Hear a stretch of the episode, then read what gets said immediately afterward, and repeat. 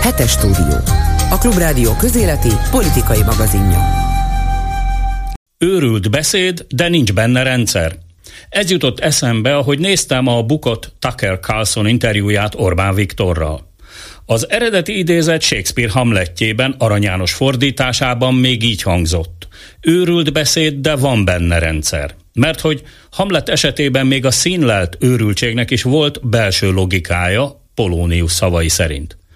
A miniszterelnöki palota kertjében felvett páros Tucker Carlson és Orbán Viktor diskurálását elnézve nehéz volt eldönteni, hogy velejéig romlott emberek és ennyire cinikusak, vagy tényleg sürgősen orvosi kezelésre van szükségük. Vagy mind a kettő egyszerre. Ami igazán felháborít az az, hogy alig, hanem mind a kettőjüket mi magyar adófizetők finanszíroztuk. Orbán fizetését egészen biztosan, de Tucker Carlson sztárgázsiát is el lehet helyezni a Rogánféle propaganda minisztérium 120 milliárd forintos éves költségvetésében a nemzetközi kommunikációs kiadások tétele rubrika alatt. Végül is mindössze potom 50-70 millió forintról lehet szó. Carlson ennyiért vállal egy-egy 30 perces interjút, amióta látványosan kirúgták a Fox News-tól súlyos hírhamisítás miatt. A TV csatorna nem kevesebb, mint 787 millió dollárt, azaz 275 milliárd forintot fizetett kártérítésként, amiért a műsorvezetője azt állította, hogy a digitális választási rendszert szállító cég csalt, és meghamisította az amerikai választások eredményét. Azóta egyetlen magára valamit is adó tévécsatorna sem akarja foglalkoztatni Tucker Carlson-t. Nem így a magyar kormány. A félórás beszélgetésben szinte egymásra licitáltak az olyan kijelentésekkel, amik finoman szólva köszönő viszonyban sincsenek a valósággal. Mondhatni, mindkettőjüknek jelentős kihasználatlan tartalékai vannak az igazmondás területén. Carlsonnak a szemesen rebbent, amikor egyenesen azt állította, hogy Kamala Harris, amerikai alelnök teljes NATO tagságot ígért Ukrajnának három nappal az orosz támadás előtt. Ez egyszerűen nem igaz, de a magyar miniszterelnöknek eszébe sem jutott, hogy kiigazítsa. Inkább rákontrázott, hogy szerinte Ukrajna soha nem győzhet Oroszország ellen. Ez biztosan nem vág egybe a többi NATO tagállam véleményével, és ismételten vérig sérti az oroszokkal szemben a túlélésért harcoló szomszédos országot. A legfőbb ispán azt is megpendítette, hogy ha még mindig Donald Trump lenne az amerikai elnök, akkor az Ukrajna elleni orosz háború vagy el sem kezdődött volna, vagy azonnal békét kötnének Moszkvával.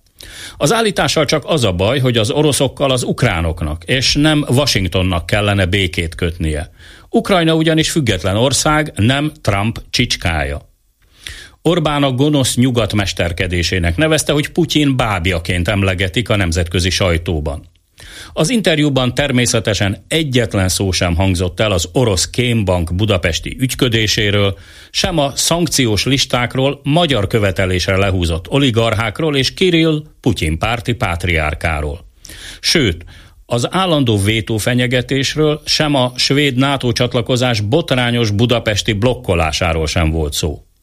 Orbán hosszasan panaszkodott, hogy a félvilág összeesküdött ellene, amiért a kormánya a zászlajára tűzte az Isten haza család szent háromságát. A közkeletű mítoszok sorából csak a lapos föld, a havasi ember és az ufók maradtak ki.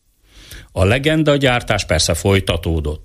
Háromszor is bejátszották Orbán 1988-as fotóját, amint a magyar rendőrök egy tüntetésen fenyegetően lefogják. A késő kádárkorban annyira megfélemlítették szegény utcai harcos Viktort, hogy annak idején kénytelen volt egy fél évre egészen az Oxfordi Egyetemig menekülni a Soros Alapítvány pénzén. Próbálná meg ugyanezt most szeptemberben. Erasmusszal. Hetes stúdió. A Klubrádió közéleti politikai magazinja. Jó napot kívánok! A hetes stúdió mikrofonjánál Hardi Mihály köszönti Önöket. Józsa Márta szerkesztővel az alábbi témákat ajánlom a figyelmükbe a mai adásban.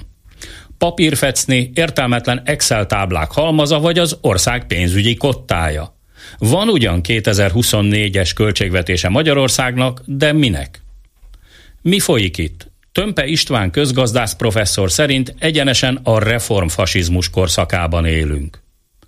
Túlélő üzemmódban a független média Magyarországon – Önleleplezőek az ellene indított rejtélyes számítógépes támadások, vélik a külföldi szakértők. Nemzetközi versenyfutása holdért. Vajon miért lett ismét ennyire fontos a Föld égi kísérőjének a meghódítása? A műsor második felében pedig megbeszéljük a hét legfontosabb hazai és nemzetközi eseményeit. A stúdióban itt lesz Törlej Katalin francia tanár, a Tanítanék Mozgalom képviselője, Polgár Tóth Tamás Debrecenből, a debreciner.hu munkatársa és Bolgár György kollégám.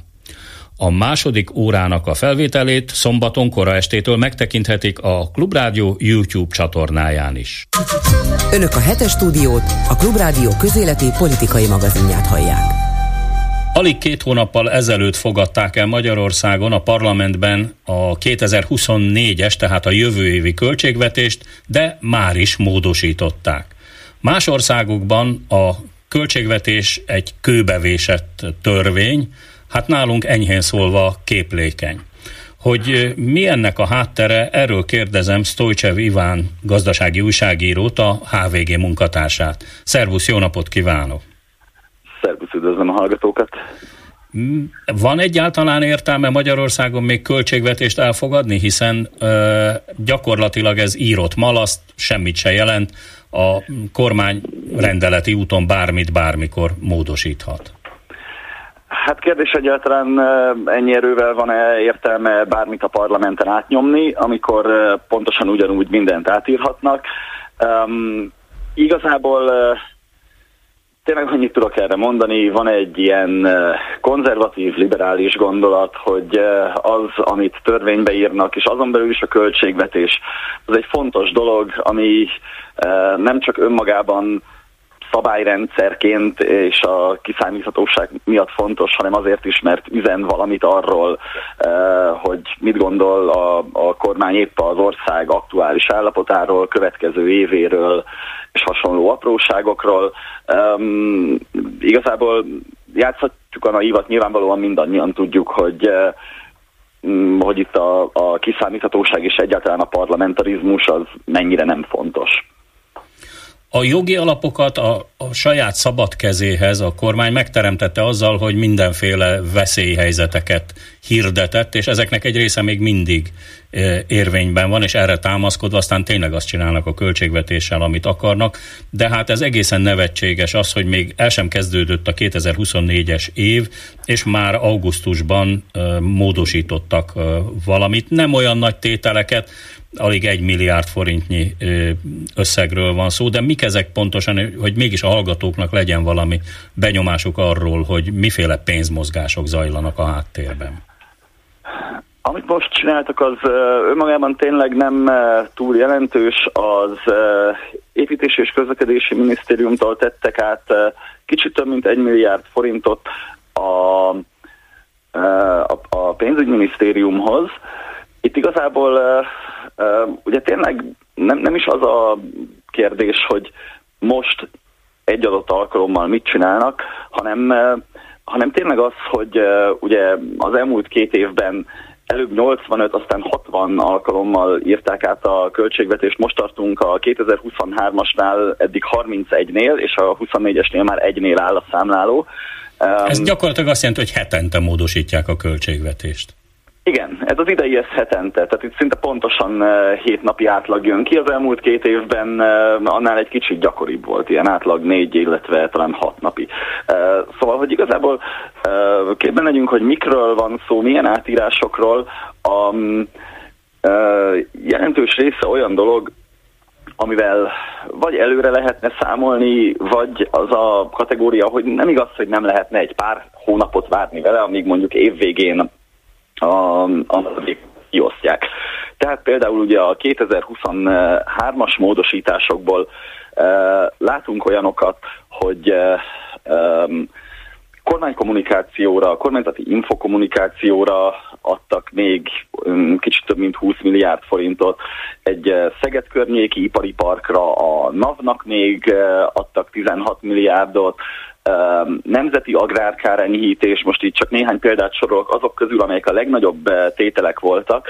Tehát külön-külön ezek olyan dolgok, amikről természetesen el lehet magyarázni, hogy fontos, de de tehát annyi tervezhetőség legyen már egy, egy költségvetésben, hogy, mm, hogy, hogy ezekkel előre számolunk, hogy majd ezekre költeni kell, és nem, nem menet közben ilyen késő esti magyar közvönyökkel bolygatjuk meg a, az Excel tábla különböző sorait.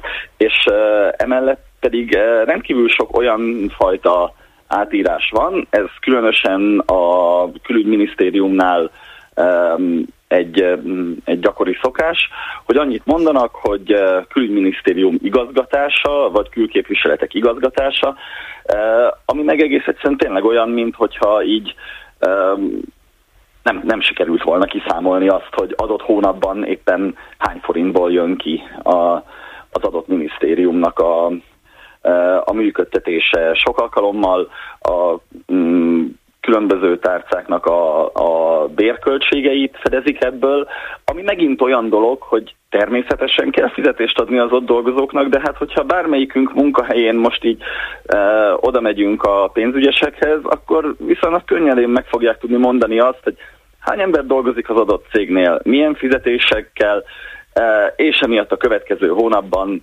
hány forint bérköltségre lesz szükség. Tehát, hogy egy ilyet ne tudjanak előre kiszámolni, ez így a nagyjából komolyan vehetetlen kategóriába tartozik. Hát én emlékszem még olyan időkre, amikor volt valamennyi tartalék alapa a költségvetésben, és az előre nem látható költségekre, természeti károkra, előre nem tervezhető események hatásainak az enyhítésére lehetett ezt bevetni. Most viszont van egy varázs szó, ez a rezsicsökkentési alap, amiből gyakorlatilag két marékkal szórják a pénzt egészen másra, nem feltétlenül a rezsicsökkentésre.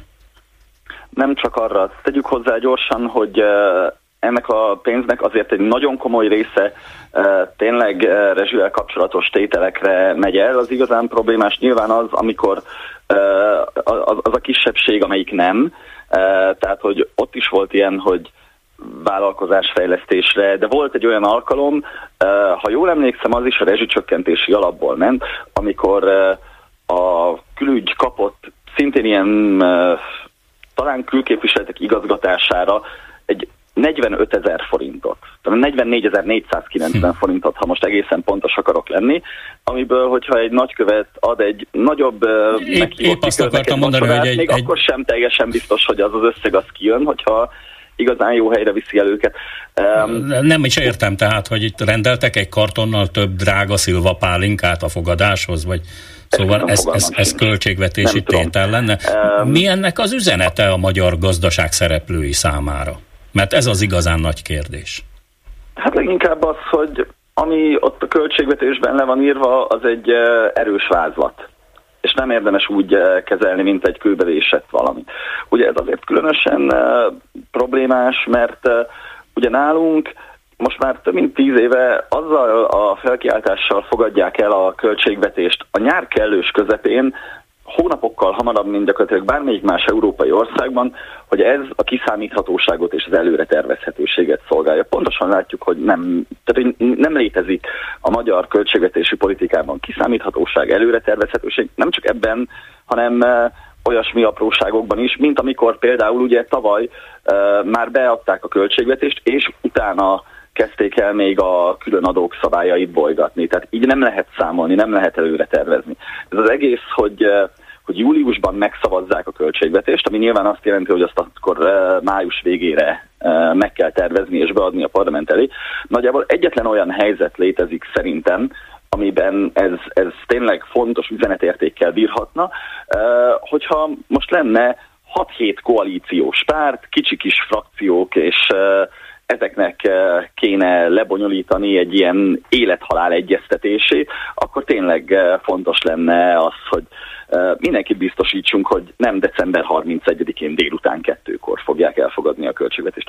Mostani helyzetben um, igazából tehát, hogy totálisan fölösleges, de, de az az igazság, hogy a gazdaság szereplői ezt így réges-rég beáraszták, hogy, um, hogy, hogy ez a klasszikus parlamentarizmus szabályai szerint nem vehető komolyan. A mostani költségvetésben pedig egész biztosan hatalmas rések tátonganak. Könnyű erre következtetni, hiszen a legfrissebb gazdasági adatok szerint ugye a negyedik negyed évben is elég komoly a gazdasági visszaesés. És, második negyed évben, bocsánat. És a, a második negyed évben is komoly a gazdasági visszaesés, és a kormány a korábbi szavaival szöges ellentétben 3,7 milliárd eurós Európai Uniós kölcsönért folyamodik mégiscsak. Tehát valami réseket ezzel akarnak betömni. Hát egyszerűen muszáj valahonnan pénzt szerezni. Uh, ugye most kijött ez a friss GDP adat, ami hát tényleg 2020 vége óta a legrosszabb.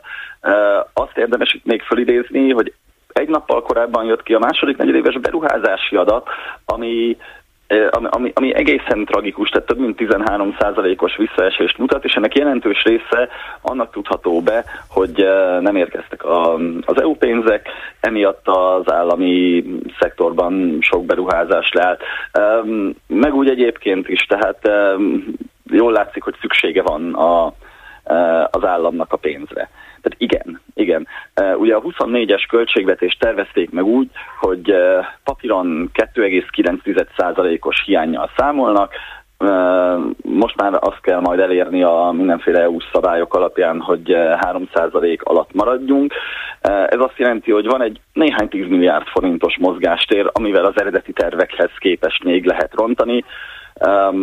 Hát pontosan látjuk, hogy, hogy, hogy ennél sokkal nagyobbakat tudnak rontani. Úgyhogy nem, nem nagyon van okunk abban hinni, hogy majd 24-ben hirtelen megtörténik a csoda, és akkor átállnak a költségvetési fegyelemre.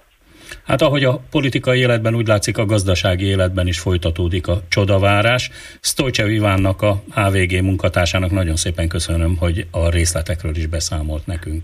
Viszont hallásra! Köszönöm a megkeresést, viszont Szerint. hallásra! Hetes stúdió. Azoknak, akiknek nem elég a hallgatás öröme. A héten figyelemre méltó cikket publikált Tömpe István közgazdász az Élet és Irodalomban, ahol egyenesen reformfasizmusnak nevezte azt, amit Magyarországon tapasztalunk. A szerző itt van velünk a vonalban, jó napot kívánok! Jó napot kívánok! A hasonló megállapításokért vagy elemzésekért kaptunk már hideget, meleget elég gyakran, úgy értem a független médiában. Mire alapozza ezt a megállapítását, hiszen a fasizmus egy nagyon erős szó, szokták az Orbán rendszert autokráciának, meg illiberális demokráciának, meg nem tudom én még minek nevezni. Szóval mire alapozza ezt a megállapítását? Hát először is nem fasizmusról van pusztán csak szó, a szó az reformfasizmus.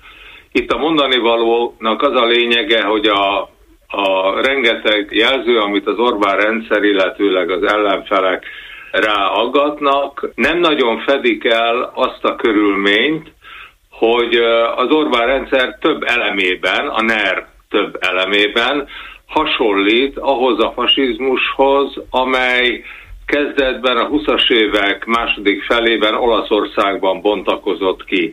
Én ezt próbálom egyébként az elején tisztázni, hogy nem a német nácizmusról van szó, hanem az olasz fasizmusról, amelyik megszünteti a politikai alternatívát, a véleményeket igyekszik sutba dobni, amelyek nem a rendszer dicsérik, rendkívül erős soviniszta nemzeti néha, hát persze a kor egészen más fai felsőbbrendű megjegyzésekkel tarkítja az életet, van egy rendkívül nagy gazdasági koncentráció, kis olasz színes, hogy a maffiát alternatív hatalomként üldözte, a munkavállalóik érdeképviseleteket lényegében államosította, szóval ehhez tervgazdasági vonásokkal igyekezett szabályozni a kapitalizmust, Szóval sok olyan hasonlóság van, ami miatt én ezt a bátorságot vettem magamnak. Tehát nem Hitlerre kell gondolni, hanem egy korai Mussolinire, amennyiben ez egy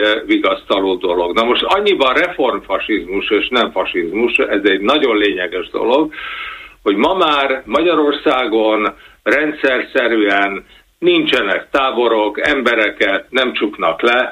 A cikkben igyekszem hát ilyen kínos példákat sorolni, hogy mi nincs Magyarországon, ami egy jó dolog.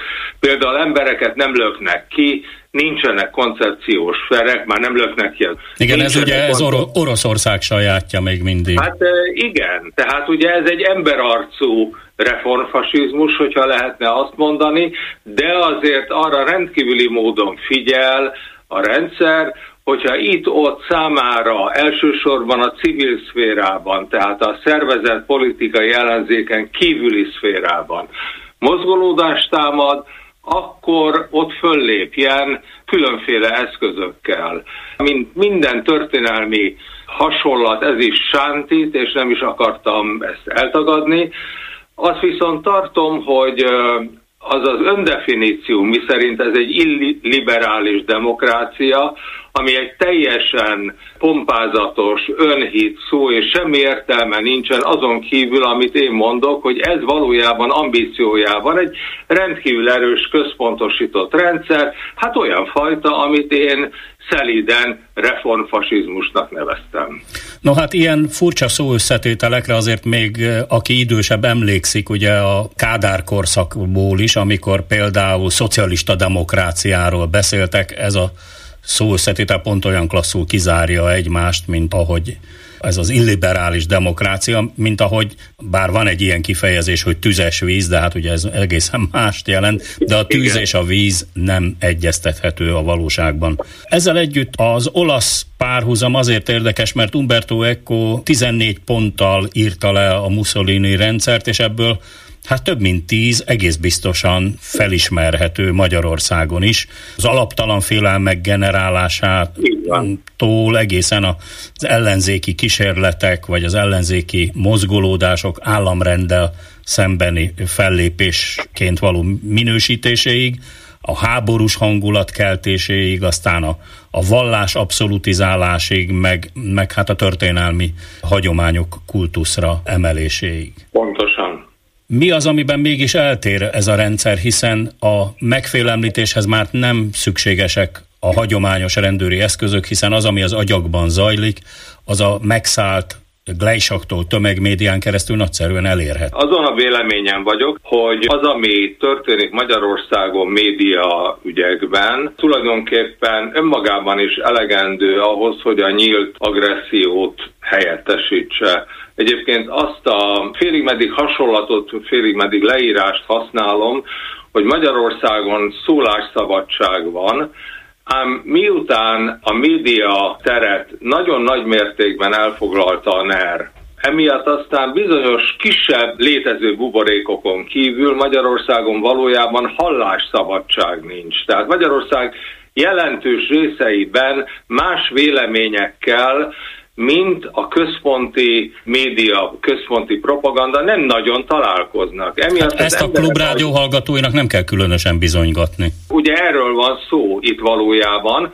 Nem kell vér, mert, mert egy csomó minden jóval egyszerűbben megtörténik, mint ahogy megtörténik egyébként. Ez nem annyit jelent, hogy ez az emberarcú rendszer, ahol nagyon sokan jól élnek, és a hétköznapok egy csomó ember számára nyilvánvalóan normálisan megélhető, Azért vannak rétegek, politikai mozgalmak, elsősorban ugye a civil közeli társaságban, például az oktatásban, például a különféle adományok esetében a, az egészségügyben, például a kisegyházaknál, például a szikra mozgalom nevű dolognál, ami egy teljesen jelentéktelen dolog lenne, de valami oknál fogva becsípődött a rendszerükbe, és ezért ellenük harcolnak, ellenük jobban harcolnak, mint az ellenzéki pártok ellen. Talán azért, mert az ellenzéki pártok elfogadták ezt az aszimmetrikus helyzetet, és a jelek szerint egyelőre nem próbálják ezt a rendszert igazán keményen megdönteni.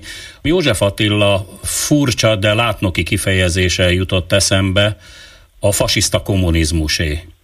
Igen. Ami nagyszerűen leírta azt, hogy valójában a vörös és a barna diktatúrák nem nagyon térnek el egymástól. Egyetért ezzel? Bevallok valamit, hogy maga az a szó, hogy reformfasizmus, az egy kicsit ugye onnan is ered, hogy volt annak idején a reformkommunizmus, ami hát azt mondta, hogy van a kommunizmus, aminek ugye a vadabbik változata, egyébként ugye ez volt uralman, a szalinizmus, és aztán azt reformálgatták, míg aztán elő nem jött az eurokommunizmus, egyfajta reformkommunizmus, amelyik azt mondta, hogy a szabadságot... Erre kell...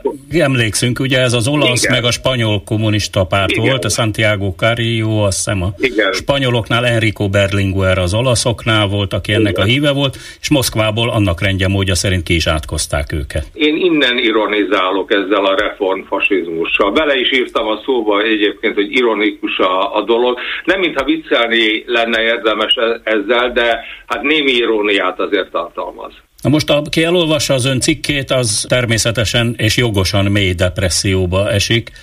Hogyan lehet egy ilyen rendszertől ön szerint megszabadulni? Először is ne tessenek depresszióba esni. Arra próbálok összesen rámutatni, ami nem különösebben új dolog, hogy ez az ügy, amit én reformfasizmusnak nevezek, ez nem úgy keletkezett, hogy van egy rendkívül agresszív hatalom, amelynek az élén egy végtelenül trükkös, ügyes, mondjuk politikai zseni és taktikai óriás, egy igazi jobboldali Napóleon áll, hanem ez a dolog ez úgy kezdődött, hogy volt egy beletörődési kultúra, tehát a mi kultúránkban már a Kádár rendszerben és kicsit később is, amikor sokkal jobb dolgok is történtek, de azért úgy alapvetően beletörődés volt, ha Gustav Huszák Csehszlovákiájához, vagy Honecker rendékájához hasonlítottuk a Kádári Magyarországot, akkor valóban egy kicsit jobban mentek a dolgok. Ez abszolút Kádár János ugye azt a fajta feladatot, ami hát ugye arról szólt, hogy nyugaton jobb az élet, és ez Magyarországon világos volt, az embereket mégis munkakedvük megtartása mellett kellett ráverni arra, hogy ne lázadozzanak, amennyire csak tudnak, és nem is lázadoztak. Egyébként hát sok minden szól még a Kádár rendszer mellett, amit ők megcsináltak, a rendszer nagyon kemény korlátain túlmenően. Szóval Magyarországon van egy történelmileg ismert, jól dokumentált beletörődési kultúra, ennek egyébként egy elemzői, számomra elég visszataszító, de azért létező elemzői tétel, ami szerint a magyarok ilyen jobbágyok. Itt szokás ugye Adi Endre nagyváradi cikkeiből neányat itt-ott innen-onnan idézni. Én nekem az a tételem ezzel kapcsolatban itt, hogy az értelmiségnek, akiknek ezt valójában írom, egy jelentős része elfogadja a NET, nem azért fogadja el, mert szereti, sokan szeretik egyébként, hanem azért fogadja el, mert nem látja az alternatívát, retteg a váltástól, és objektíve az ellenzéki pártok pedig nem kínálnak tulajdonképpen nekik olyat, amiben ők, mármint választópolgár, szívesen belemennének.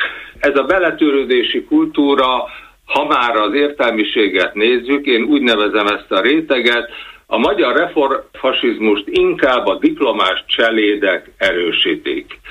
Tehát a népnek ez a, ez a cselédként való szidalmazása magyar értelmiségtől nem áll távol. Az az érzésem, hogy ez is hozzájárul ahhoz, hogy nagyon könnyű a többieket aztán meggyőzni. A rendszer, hogy hogy fog megdőlni, fogalmam nincs. Az egészen biztos, hogy képtelen konszolidálódni. Tehát a Kádár Jánoshoz képest az Orbán rendszere újabb és újabb frontokat nyit, a nyugtalanság az nagyon sokfajta problémát jelent. Kacsingatunk kelet fele, ami külpolitikailag és a mi világpolitikai helyzetünket illetően szörnyen túlértékelt, részben pedig arra felé nekünk egyszerűen nincsen nincs helyünk. Tehát a magyarok megdöbbennének, hogyha most hirtelen egy közös szovjet-magyar vagy orosz-magyar világban kellene élni. Egyébként Orbán Viktor azt mondja, hogy ilyesmire természetesen nem készül, de az ember ilyenkor kezd félni igazán. Azt hiszem, hogy Magyarországra erős külső nyomás nehezedik, sokkal erősebb külső nyomás, mint belső nyomás, mert mi azt gondoljuk, hogy még ezt is lehet kezelni valamilyen módon, még ebből is lesz valami jó, nem kell izgulni, majd ez a dolog elmúlik, és nem múlik el. Hadd tegyek hozzá egy sokaknak talán durva mondatot, ami annyit jelent, hogy a következő években, amikor már mindenki tudja, hogy hazudoznak, hogy külpolitikailag nem az a helyzet, hogy Orbán Viktor és a pápa a béke egyedüli hívei, hogy eh, hihetetlen mennyiségű harácsolás eh, folyik, rengeteg kormányzati hiba, ami miatt az égben van a, az infláció. Szóval ezt a rengeteg szennyet, hogy tudja a magyar beletörődési kultúra mind-mind felszívni egyre többet, és belőle rózsavizet varázsolni, mert elfogadja. Hát nem úgy fogadja el, hogy örülne neki, mert erről szó nincsen, de mégis éppen elegen szavaznak rá. Tehát én a helyi ellenállás fontosságát hangsúlyozom, az az érzésem, hogy Magyarországot még egyszer olyan jellegű rendszerváltási csoda, mint ami 1989-90-ben volt, többet nem éri, itt az emberek vagy maguk átalakítják a környezetüket, elsősorban a fiatalabbak. Ez a szisztéma még tart 30 évig. Hát ugye ez egy élhető szisztéma annak, akinek van állása, és nincsen politikai érzékenység, és nagyon sokan erre törekednek, hogy ők nincsenek is ott. Na ez egy döntő különbség mondjuk a lengyelek és a szlovákok, meg mi közöttünk. Tömpe István közgazdásznak nagyon szépen köszönöm, hogy megosztotta a gondolatait a Klubrádió hallgatóival. Viszont hallásra! Viszont hallásra, köszönöm szépen. Önök a hetes stúdiót, a Klubrádió közéleti politikai magazinját hallják. Egyetlen Európai Uniós országban sem süllyedt olyan gyorsan és olyan mélyre a demokrácia, mint Magyarországon. Egyebek mellett erről is nyilatkozott a Klubrádiónak az amerikai Demokrácia Figyelő Intézet, a Freedom House szakértője. A még megmaradt független magyar médiumok, köztük a Klubrádió ellen intézett számítógépes támadás sorozatok is egyetlen vektor irányába mutatnak. Erről pedig a bécsi székhelyű IPI, a Nemzetközi Sajtóintézet képviselője beszélt Csernyánszki Juditnak. Újabb mestermunka született a Freedom House-ban Mike Smeltzer tollából, aki írása címében kiugratja a nyulat a bokorból, amikor felteszi a kérdést. Tudja ön, hogy mi az autokraták kedvenc szava? Hát persze, hogy a demokrácia. Smeltzer szerkeszti a Nemzetek a rendszerváltás folyamatában sorozatot, amelynek legutóbbi darabjában jóskán szó esik Magyarországról. Ezért is kerestem meg. Visszaigazolhatom, hogy Magyarországon az autokrácia elkendőzése érdekében demokráciáról papol a kormány. A magyarok többsége ezt el is hiszi Orbánnak. A megtévesztett embereket hogyan lehet felébreszteni? Kérdem a New Yorki székhelyű Freedom House kutató elemzőjét, Mike Smeltzert. Yeah, I think it's a really good question of, of what's the, the solution to this problem. Nehéz kérdés, hogy miképpen lehetne gyökerestül megragadni a problémát egy olyan rendszerben, amely csak látszat a demokrácia, mert a benne élőknek feltehetően fogalmuk sincs, hogyan működik az igazi demokrácia. Az első tennivaló a sajtószabadság helyreállítása lenne. Így lehetne átláthatóvá tenni a kormány működését. Így lehet őket elszámoltathatóvá, felelősé tenni rossz intézkedéseiért. A másik a polgári nevelés intézményének megteremtése, azaz már gyerekkortól tanítani kellene a demokráciát. A független sajtó el van nyomva. Az oktatás talán tudja, pár éve előzték a CEUT, és most teljes közel épül az MCC birodalom, ahol nem csak speciális iskoláikban, de még a táborokban és koncerteken is a Fidesz által diktált ideológia oktatása zajlik. Van pénz, a rendszer terjeszkedik és mélyül. It's a network really, really wide. Yeah, absolutely. It's the the challenges are, are Persze tudok erről is. Tényleg rengeteg a kihívás, és gyakran ezeket nem ismerjük fel kellő időben.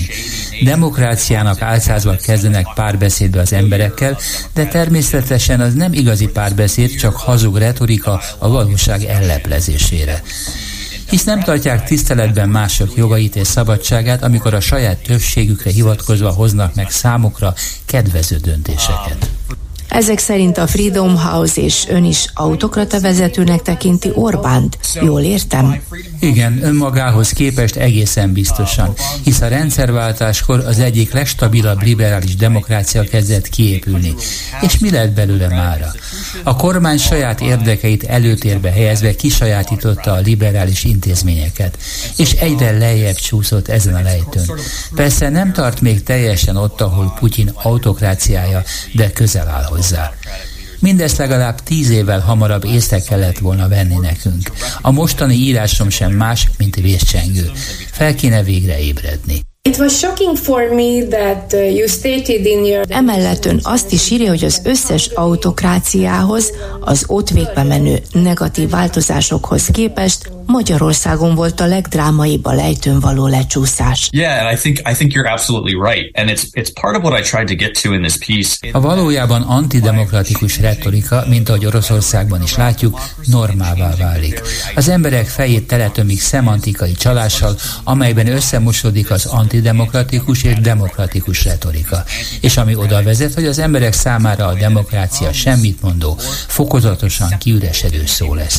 Ezért nem is tartják fontos fontosnak beszélni róla. Ez nálunk is nagyon igaz. Az embereket nem izgatja, mi van a demokráciával, hiába veszi elő újra és újra ezt a témát az ellenzék. Yeah, absolutely. It's, it's really challenging because so many people... Ha egy embernek jól megy a sora, akkor azt a demokrácia javára írja, mert azt gondolja, annak köszönhetően alakul kedvezően az élete. Ha rosszul mennek a dolgok, akkor változást akar. Itt van ugyebár az orosz-ukrán háború. Ha őszintén lehetne beszélni a demokráciáról és tanítanák a szabadságjogokat, akkor talán magyarok is megértenék, hogy nem a háború felelős száz százalékban az inflációért és a rossz gazdasági mutatókért. Az emberek hiszik, hogy nem Orbán a felelős az Európai Unió legrosszabb gazdasági helyzetéért. But people don't mind. Yeah, and I think I think that's a really important uh, point that you make, right? Politicians are going to say. És itt lenne óriási szerepe az őszinte és független sajtónak. Ám a kritikák ellenére sem javul, sokkal inkább romlik a helyzet, mert egyre kevésbé engedi a kormánypárti média a tisztánlátást. Az olvasók, tévénézők nem kapnak valós képet. Sajnos mi nem tudjuk megváltoztatni a helyzetet, mert az emberek általában nem keresik a híreket, hanem kapják, és abból alkotnak véleményt. Minket megfosztottak az összes frekvenciától. Vidéken nem tudják a hallgatók bekapcsolni az ellenzéki rádiót. Minden megyei lap a kormány kezében van. Mit tehetnénk ebben a helyzetben? Yeah, I, and I think that's one of the biggest challenges that Hungary faces right now is the kind of capture of the media sector by... Igen, azt hiszem ez most az egyik legnagyobb kihívás Magyarország számára, és minden jel arra utal, pozitív változásra a jövőben nem számíthatunk. Uh, the situation continues to deteriorate and it doesn't look to be going in a positive direction anytime soon. Nem tartja hibának a Biden kormány részéről, hogy nem hívta meg a demokrácia csúcsra Orbánt. Érezhette volna, mit jelent demokratikus közösségben lenni. Yeah, it's a, it's a very good question and and frankly something that I uh, symbolic gesture to not invite them. Szimbolikus jelentése van a mellőzésnek. Persze számos lehetőség kínálkozik a diplomáciai kapcsolatokon keresztül a demokrácia problémák megoldására. Az amerikai nagykövettel nincs jó viszonyban a kormány. Szijjártó még egyszer sem hívta meg hivatalába. Számítunk egyáltalán még Amerika számára? I'm, a, I'm an eternal optimist. Mindenképpen optimizmusomat táplálja, hogy a magyarok fele egészen biztosan liberális demokráciában akar élni. Előbb-utóbb összeáll ez a tábor is. Talking about, for example, free elections. A választási törvényt sem tartják be. Democratic election, and we know that it's, it is not. Yes, they may be well run, they may be, may be well administered, but certainly not. Talán kiválóan menedzseli a kormány, de mindannyian tisztában vagyunk azzal, hogy nem voltak tisztességesek az eddigi választások, hisz nem adnak lehetőséget a médiában az ellenzéknek, és nem átlátható a kampányfinanszírozás sem. Évek óta mondjuk a kifogásainkat. További veszélyt jelentene a számukra Trump újraválasztása, akinek van erre esélye, nem de? Yeah, it's, it's, it's difficult to speculate about American politics. Spekulálni nem szeretnék, de azt nézem, hogy 17 éve egyfolytában egyfolytában zsugorodik a demokrácia szerte a világban az autokráciák előretörésével, akkor együtt sok tennivalónk lenne ennek a megfékezésére. Hogy mennyire kilógunk a sorból az Európai Unióban, legyen az gazdasági helyzetünk, legyen a sajtószabadság és sok egyéb, arra újabb példával szolgált a napokban az IPI, a Nemzetközi Sajtóintézet, amely most jelentetett meg egy elemzést hazánkról, ahol az elmúlt időszakban a legtöbb terheléses támadást hajtották végre a független sajtótermékek ellen. Erről kérdezem Jamie Weissman, az intézet elemzőjét. Multiple DDoS attacks against media Rengeteg terheléses támadást indítottak Európa szerte, és vizsgáltuk többek között Lengyelországot, Szlovákiát és Bulgáriát. Magyarország kiugrik a sorból a támadások gyakoriságát, hatékonyságát és kiterjedtségét tekintve is az összes uniós ország közül.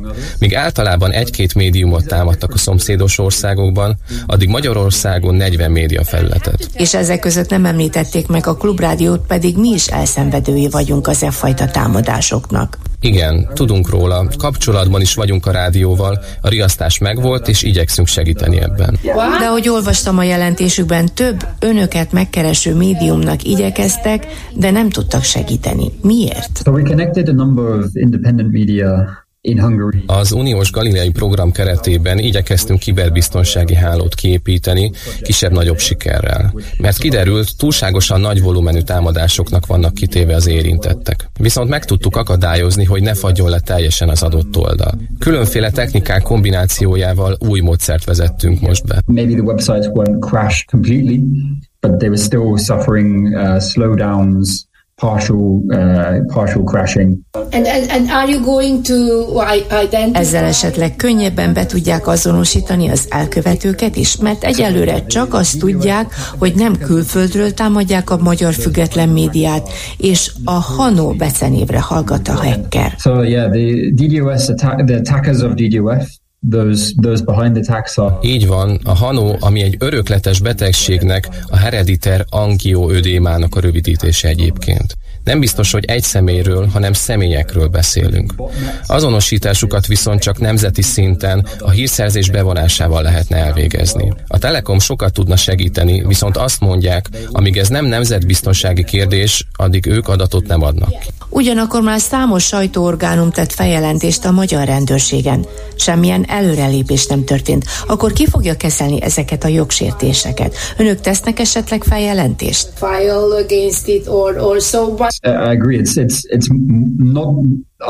Valóban komoly problémáról van szó, mert ha beazonosítanánk az elkövetőket, akkor súlyos bűncselekmény esete állna fenn, megsértve a sajtó és véleménynyilvánítás szabadságát, a média infrastruktúráját.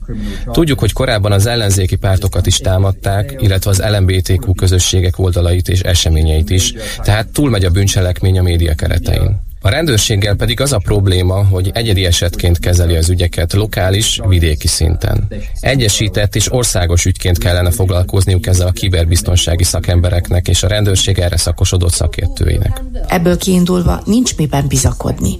Valóban frusztráló, hogy nem látunk előrehaladást az ügyben, pedig ha azt nézzük, hogy itt akár a választások tisztaságáról és magáról a demokráciáról, annak megtámadásáról van szó, akkor különösen komoly bűnesetekről beszélünk. Nem kezelheti az ügyet az Európai Unió?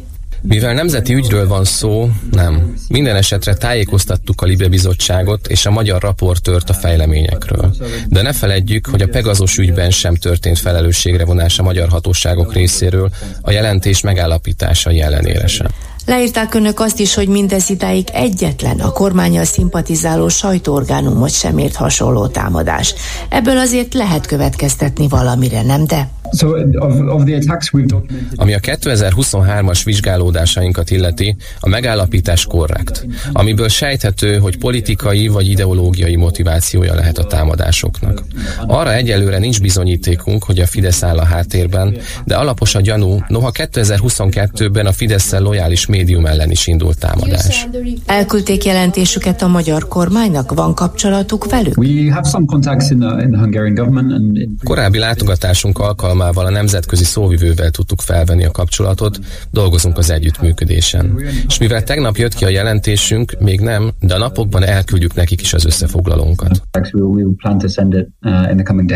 Nyilatkozta Jamie Weissman, a Nemzetközi Sajtóintézet kutatója. Hetes stúdió. Azoknak, akiknek nem elég a hallgatás öröme.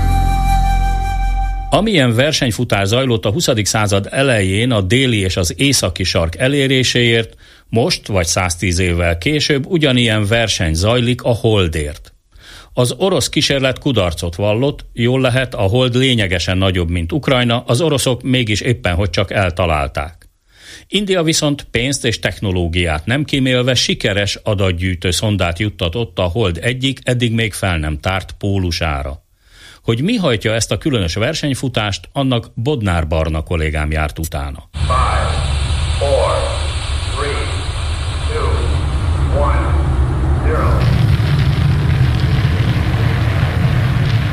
A hold nem csak kulturális szempontból tölt be nagy szerepet az emberiség történelmében, de 1969 óta az egyetlen olyan égitest is a Földön kívül, amelyre emberek léptek. Az utóbbi hónapokban, években a Hold mondhatni újra reflektorfénybe került, nem csak az Egyesült Államok, de Kína, Oroszország, Japán, sőt India is célként tűzte ki égi kísérőnk meghódítását. Néhány hete történt, hogy az orosz Roszkozmosz űrügynökség Luna 25 nevű küldetése kudarcba fulladt, és a holdba csapódva megsemmisült. Pár nappal később azonban indiai kollégája, a Chandrayaan 3 sikeresen landolt a hold déli pólusának közelében. Ez pedig egyedülálló és tudományos szempontból különösen nagy teljesítmény. Hogy miért? Arról Keresztúri Ákos bolygókutatót, a Csillagászati és Földtudományi Kutatóközpont Csillagászati Intézetének tudományos főmunkatársát kérdeztük. Főleg azért, mert az elmúlt évek során kiderült, hogy a sarki kráterekben amiknek gyakorlatilag állandóan sötét a belseje, mert oda sosem, soha nem süt be a nap, ott vízjég halmozódott föl. Tehát ez gyakorlatilag a fő oka. Kiderült, hogy a hold mindkét sarkvidékén, de főleg a déli sarkvidéken a mély és örökké sötét kráterekben vízjég van, a holdfelszíni porba keverve, aminek az eredete nem tiszta, önmagában tudományosan is ez egy nagyon érdekes dolog, valamint elméletileg akár kihasználható erőforrás is lehet, tehát ha oda leszállnának űrhajósok mondjuk, akkor azok nem csak ivóvizet, meg belégzésre oxigént tudnak belőle nyerni, hanem üzemanyagot is, hogyha hidrogénre meg oxigénre szétpontják, és folyékony hidrogént és oxigént használnak, mint rakéta hajtóanyag. Tehát egy erőforrásként is megjelenik gyakorlatilag, ezért az elmúlt időszakban többen is a hold sarkvidékére fókuszálnak. Nem csak a hold felszíne van a kutatások középpontjában. A kínai nemzeti űrhivatal leszálló egysége volt az első űrszonda, amely először landolt a hold túlsó oldalán 2019-ben. 2020-ban a YouTube 2 nevű rover már benézett égi kísérünk felszíne alá is, most azonban sokkal mélyebben lévő rétegeket vizsgál a hold múltbéli vulkáni tevékenységének nyomai után kutatva. Ennek volt egy úgynevezett felszín alá behatoló radarja, amit a Földön is használnak, ez nagyjából a rádió hullámokhoz hasonlóakat bocsát ki, de a felszín alá, és az onnan visszaverődő hullámok jellegéből tudja valamennyire megállapítani, hogy mi van a felszín alatt, az hogyan rétegződik, hogyan helyezkedik el, tömör, porózus, stb.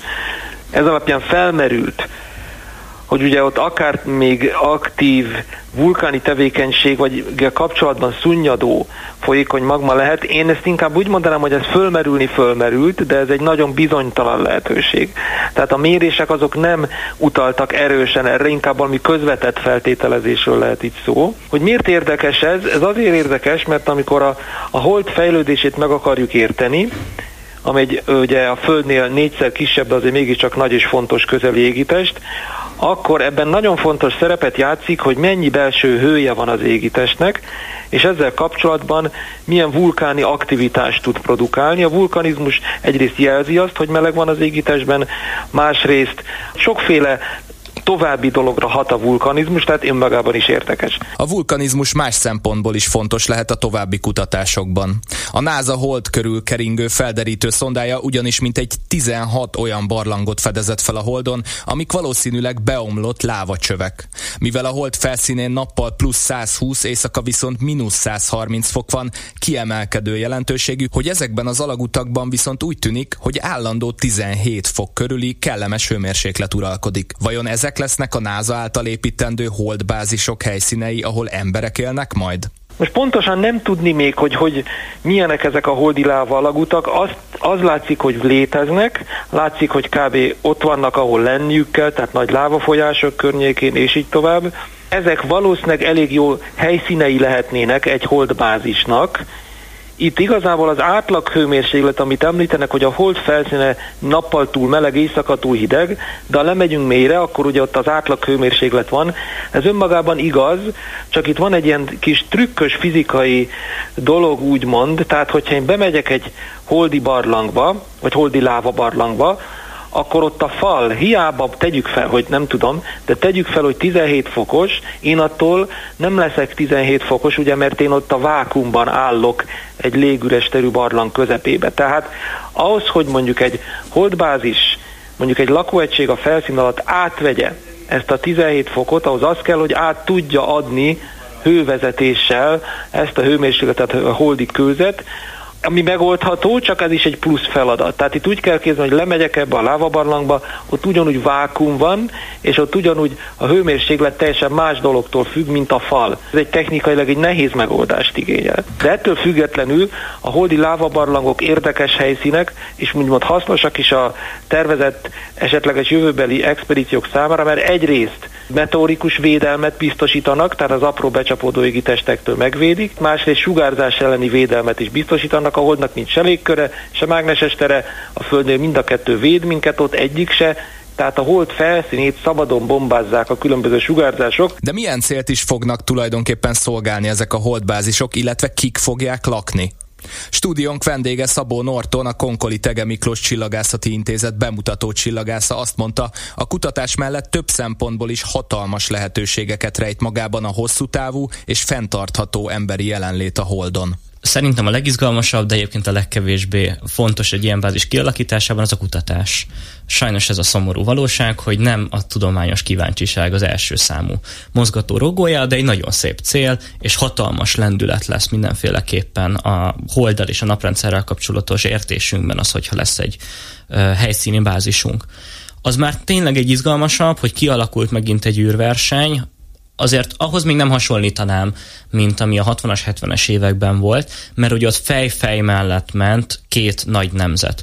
Azért itt azt látni kell, hogy a amerikai vezetési nyugati blokk az hatalmas előnyel indul. Ehhez jön egy, egy eszméletlen tempóban, soha nem látott tempóban feltörekvő Kína, egy uh, saját űrkutatását ismételten összeszedni készülő Oroszország, és ugye itt van India például, aki belépett teljesen új szereplőként. Illetve most még a japánoknak is volt egy sikertelen küldetése, nem régiben a, ezzel az izraeli vállalattal vávetve csinálják ezt a fejlesztést, de most ugye, most elhalasztották a, az, az indítást, de ők is ugyanezzel a céllal, vagy hát hasonló célokkal akarnak egy ilyen felszíni egységet küldeni a holdra. Így van, így van. Tehát Japán is ott szerette lenni, Izrael is, Emirátusoknak is van már keringő egysége például, Dél-Korea ott van a hold körül, tehát nagyon-nagyon sok szereplősé vált a verseny. Benne van ez a presztízs, hogy mi, a, mi vagyunk azok, akik visszatérnek, mi vagyunk azok, akik megépítik. Megint csak ezek a nagyon fontos dolgok.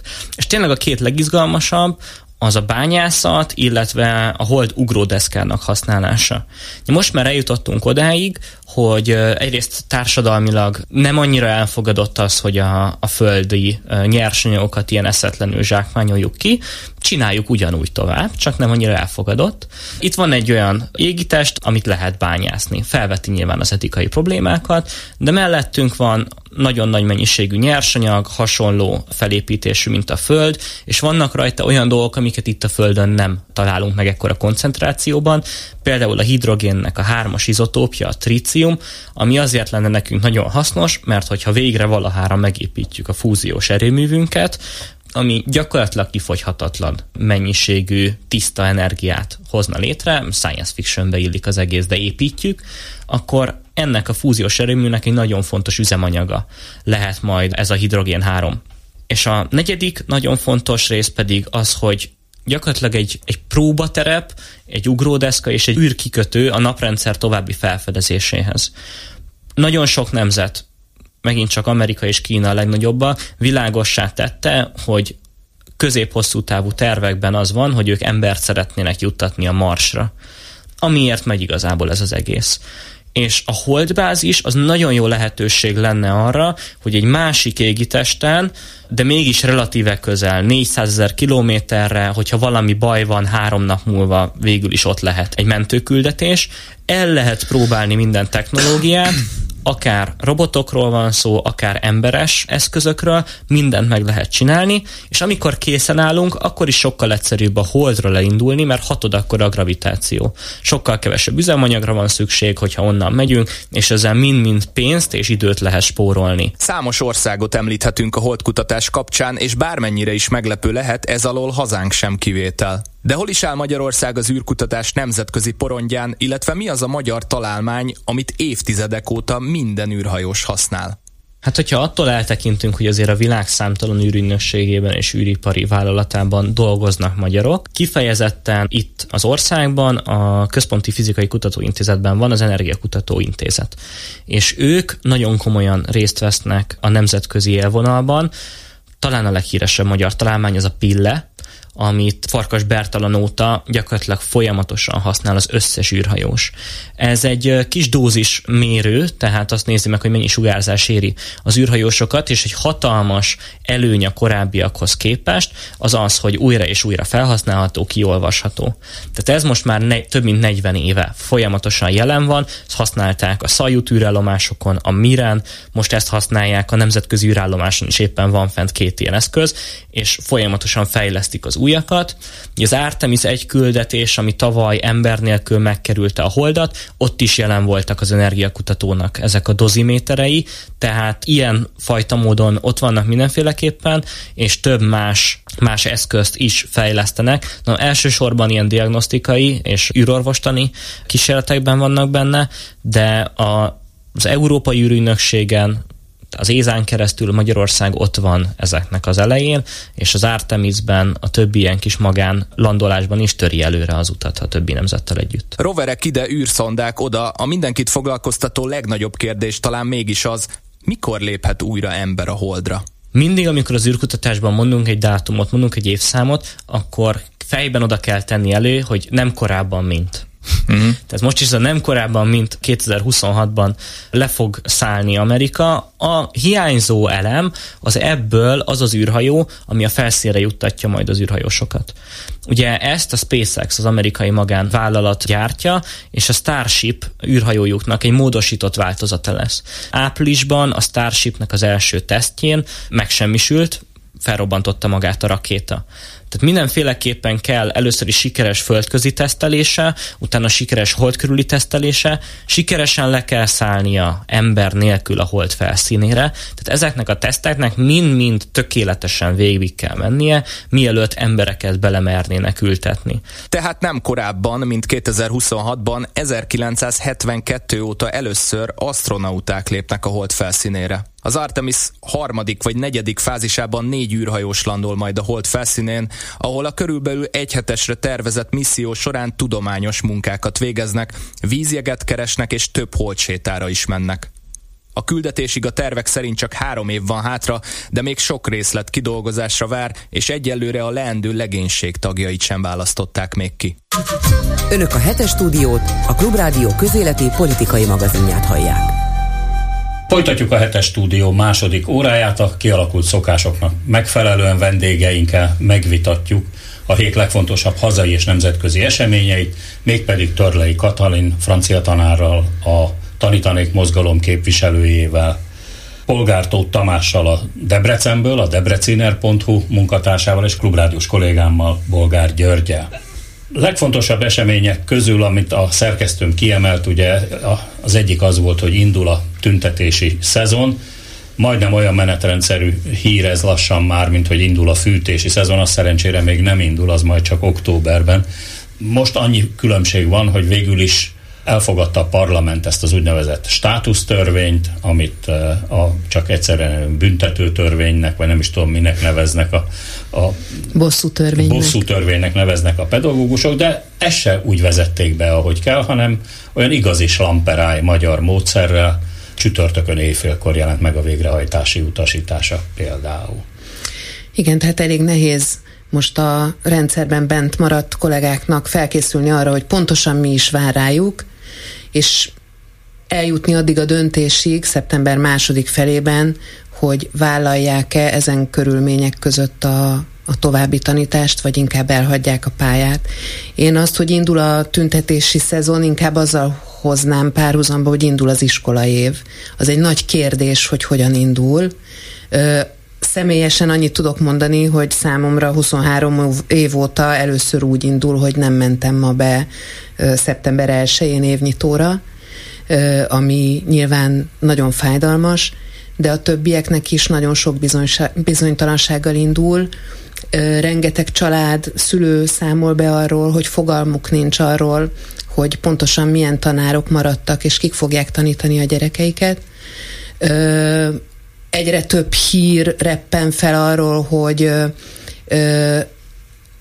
milyen feladatokat adnak ö, pedagógusoknak, tehát hogy mondjuk alsós tanító tanít fel ö, felsőbe, hogy képesítés nélküli ö, kollégák ö, száma egyre, egyre növekszik, tehát attól lehet tartani, hogy bár itt megy a zsonglőrködés a számokkal, hogy hány pedagógus hiányzik, és a státusztörvény és az, annak rendeletei nagyon igyekeznek elfedni ezt a nagyon súlyos problémát, de itt inkább arról, arról lehet beszámolni, nem mennék bele ilyen számháborúba, hogy az már most látszik, hogy az eddig is nagyon válságos helyzetben levő iskola rendszerben a minőség az valószínűleg tovább fog romlani, ez is nyilván egyenetlen módon, tehát az a vákum, ami megteremtődött mondjuk a belvárosi elit gimnáziumokban, ahonnan elmentek nagyon erősen felkészült kollégák,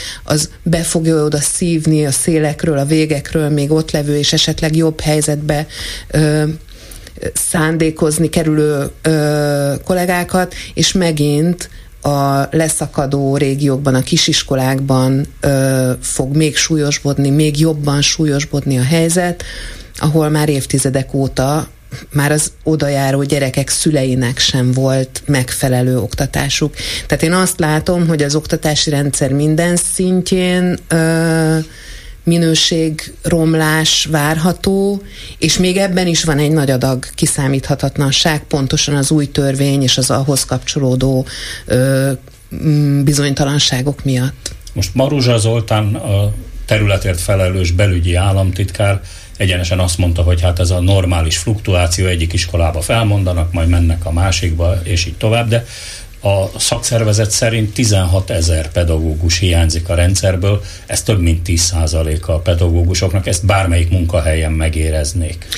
Ezt egyébként évek óta érezzük, tehát a, a, az a küszködés, ami minden év elején van, hogy megfelelő végzettségű, szaktudású ö, kollégákat ö, vegyenek fel a, az egyes iskolák, a, az most csak még ö, ö, súlyosabb, egyáltalán nem lehet már minőség szerint válogatni a jelentkezők közül, rengeteg a, a nyugdíjból visszafoglalkoztatott, és mondom, pont most olvastam Radó Péternek egy, egy elemző cikkét, hogy 10% fölött van a szakképesítés nélkül dolgozó ö, pedagógusok száma, ez dermesztő adat, főleg külön ö, három tantárcsoportot emelt ki, informatika, természettudományok és nyelvek ö, tekintetében. Ezek mind extrém fontos területek, ahol ezek szerint a, az iskolába járó gyerekek nem kapják meg azt a, ö,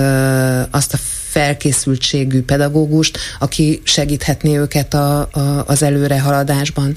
Az, hogy a státusztörvényben fel, felemelték a státuszok ö, számának alapjául szolgáló 22 kontaktórát 24-re, ezzel közel 10%-kal elfedik azt, hogy mennyi ö, kollega hiányzik. Itt tényleg most az a kérdés, hogy azok a pedagógusok vannak-e ott a, az intézményekben, akikre szükség van, illetve hogy kinek mit kell tanítani. Látjuk pontosan a pedagógus csoportokban a segélykérő kérő üzeneteket, hogy megkaptam a természettudomány tantárgyat, hogy kéne ezt mhm. csinálnom, mondja mondjuk egy teljesen más szakos kolléga, hát, akinek nincs más választása, vagyis hát én mindig azt mondom, hogy kéne, hogy legyen választás, ezeket a dolgokat vissza kéne utasítani, de nem mindenki teheti ezt De még meg. a fővárosban még csak-csak meg lehet oldani, hiszen van másik iskola, ahol el lehet menni, vagy elég sokféle állás közül választhat az, aki gondolom a pedagógus egyébként, ha másért nem a fegyelmezettsége és a rendszeressége miatt szívesen látott ember a Nagyon keresett munkavállalók egyébként a, a felmondó De pedagógusok. Mi a helyzet mondjuk, mondjuk Debrecenben, vagy egy hajdúsági kisfaluban? Egy falusi iskolában. Mit tudtak erről? Igen, nagyon nagy a különbség egyébként. Köszöntöm a, a nézőket, hallgatókat, és köszönöm a meghívást. Nagyon nagy a különbség a Debreceni és a, akár csak az agglomeráció iskolái között. Debrecenben azt lehet mondani, hogy olyan túlzottan nagy problémát a tanárhiány jelenleg nem jelent, de a kisebb hajdubihar megyei településeken nagyon nagy problémák vannak, és azért sok helyen állandósult már az, ami egyébként az ország más részeiről is hallani, amire te is utaltál az előbb, hogy mit tudom én, mondjuk egy testnevelő tanár lett kinevezve földrajz oktatónak. Tehát ilyenek, ilyenek vannak. Illetve hát folyamatosan küzdenek azzal, hogy, hogy nem tudnak valamilyen pozíciót betöltetni senkivel. Na most azzal kapcsolatban, hogy itt van a, a vagy indul a tüntetési szezon, én azért egy kis kiegészítéssel élnék, mert Fideszes propaganda oldalakon szokott felbukkanni, a nyáron nagyon sokszor felbukkant ez, a, ez az érv, hogy cinikusan azt mondják, hogy hát látjuk, hogy a tanárok és a, a diákok csak a tanítási időszakban hajlandóak tüntetni, nyáron bezzeg nem csinálnak semmit. Na most egyébként azt vegyük észre, hogy nyáron is voltak bizonyos formái a tiltakozásoknak, csak Debrecenben is tudom például, hogy júliusban virasztást tartottak a, a diákok és a, a velük szimpatizálók, voltak különböző fórumozások, viták, beszélgetések az oktatás helyzetéről, tehát nyilvánvaló, hogy látványos tiltakozás, igazán látványos tiltakozás csak tanítási időszakban lehet kiváltani, mert a szülő mikor veszi észre, hogyha mondjuk sztrájkol a tanár, nyilván akkor, amikor tanítási időszak van, de ettől függetlenül eddig is volt szerintem tiltakozás. Nekem egy, ha tetszik, személyes, nem is tapasztalatom, de mondjuk közvetve személyes tapasztalatom, hogy a legkisebb unokám ma bement az első tanévnyitójára, az első osztályba, közvetlenül Budapest mellett egy jó nevű iskolába. 32-en voltak. Jó iskola, jó nevű iskola, 32 az eset olyan, mintha 50-60 évvel ezelőtt lennénk még mindig, és nyilvánvaló, hogy a mai követelményeknek nem lehet megfelelni úgy, hogy 32 gyerekkel foglalkozzon egy tanító. Ez, ez önmagában abszurdum.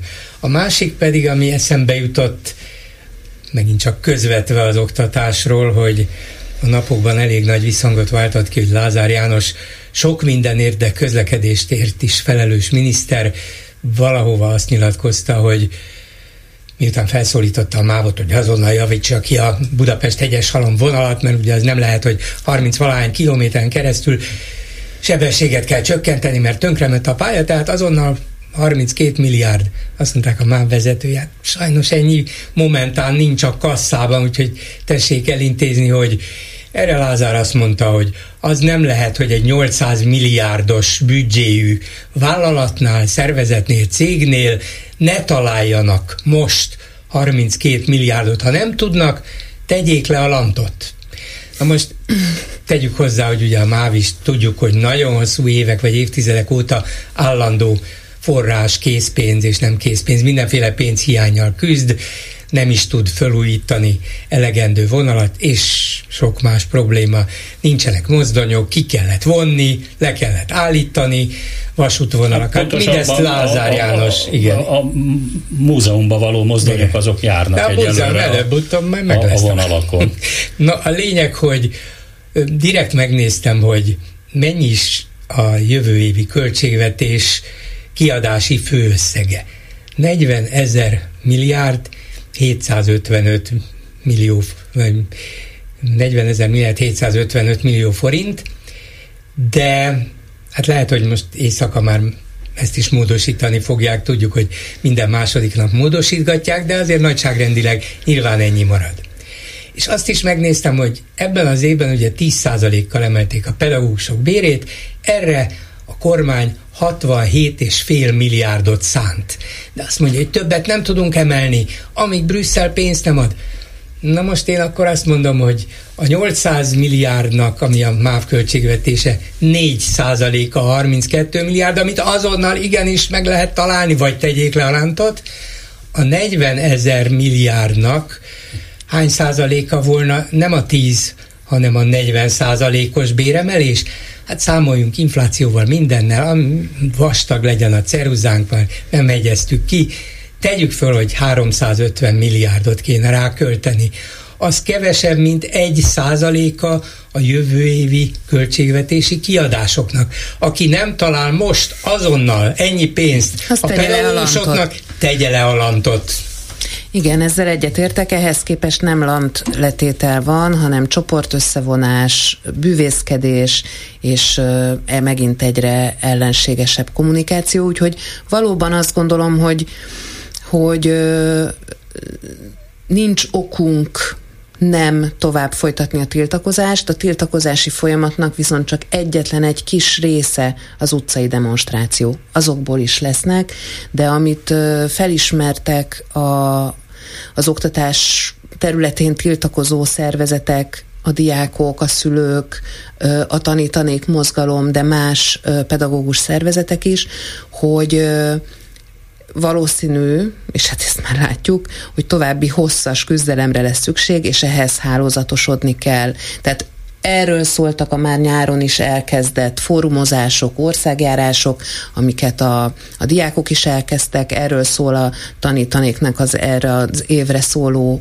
ö, terve. Nyilván lesznek utcai demonstrációk is, ö, előre eltervezettek, illetve a, a, a tüntetés az egy olyan műfaj, hogy időnként reagál egy-egy, helyzetre, aztán mindig lehet ö, előre kiszámítani, de ö, azt hiszem, hogy mindenki rájött, hogy a, az összefogásra és a, az országos terjeszkedésre kell tennünk a hangsúlyt. A magas csoport létszámokkal kapcsolatban mindenképpen érdemes szerintem megjegyezni, hogy amikor a, a pedagógusok és az oktatás helyzetének ö, ö, romlása van terítéken, akkor, akkor gyakran megfeledkezünk arról, hogy ez nem csak a tanárokat jelenti, és nem csak az iskolákat jelenti, hanem mondjuk az óvodapedagógusokat és az óvodákat is jelenti Debrecenben éppen tegnap tartottak közgyűlést, ahol szokás szerint gyakorlatilag menetrendszerűen arról döntöttek, hogy számos óvodai csoportnak a, a maximális létszámát, ugye 25-ben maximalizálja a csoport létszámot a, a törvény, de ettől fölfelé 5-tel el lehet még térni külön közülési döntéssel. Számos csoport esetében hoztak ilyen döntést, tehát száz valamennyi extra gyereket helyeznek így el debreceni óvodákban. Na most ezt ki lehet számolni, akkor hány óvoda hiányzik.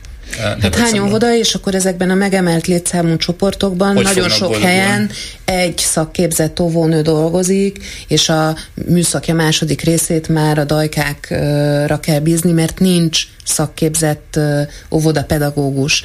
Sem. Holott a, a, az óvodák és az óvodák módszertana volt az egyik komoly sikertörténete még az elmúlt éveknek. Az egy nagyon jól működő szisztéma volt, nagyon jól képzett szakemberekkel, és képtelenek a fiatalokat bevonzani, mert mert nem tudnak belőle megélni, és nem mennek el, illetve azok, akik benne voltak, azok is rákényszerülnek, hogy ott hagyják a pályájukat. A beszélgetés elején említette, hogy ez volt az első év, hogy nem ment évnyitóra anélkül, hogy nagyon intim kérdéseket tennék föl, akkor most mit csinál? Ugye ön egyike volt azoknak a tanároknak, akiket kirúgtak az iskolából.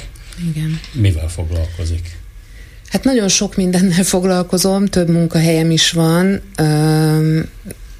Egyrészt a, a, a tanítanék mozgalomnak a szervezésében, képviseletében veszek részt, ez nagyon sok időmet veszi el, másrészt pedig két roma egy, esélyegyenlőséggel ö, foglalkozó alapítványnak is munkatársa vagyok, a Roma Verzitásznak, ahol roma fiatalokat mentorálunk, hogy bekerüljenek a felsőoktatásba, illetve hogy ott meg is tudjanak maradni, illetve a Polgár Alapítványnál is ö, dolgozom munkatársként, úgyhogy ö, egyáltalán nem panaszkodhatom, nagyon sok munkám van. A tanításnak akkor nem fordított egészen hátat. De, Tehát Igen. itt nincs tanítási tevékenység. Uh-huh. És ez azért nagyon fájdalmas, és nagyon hiányzik is, és ezekben a napokban kénytelen is vagyok erre elég sokat gondolni, terítéken van ez a téma, de én, én amikor elbocsájtottak, akkor azt gondoltam, hogy hogy, hogy ez annyira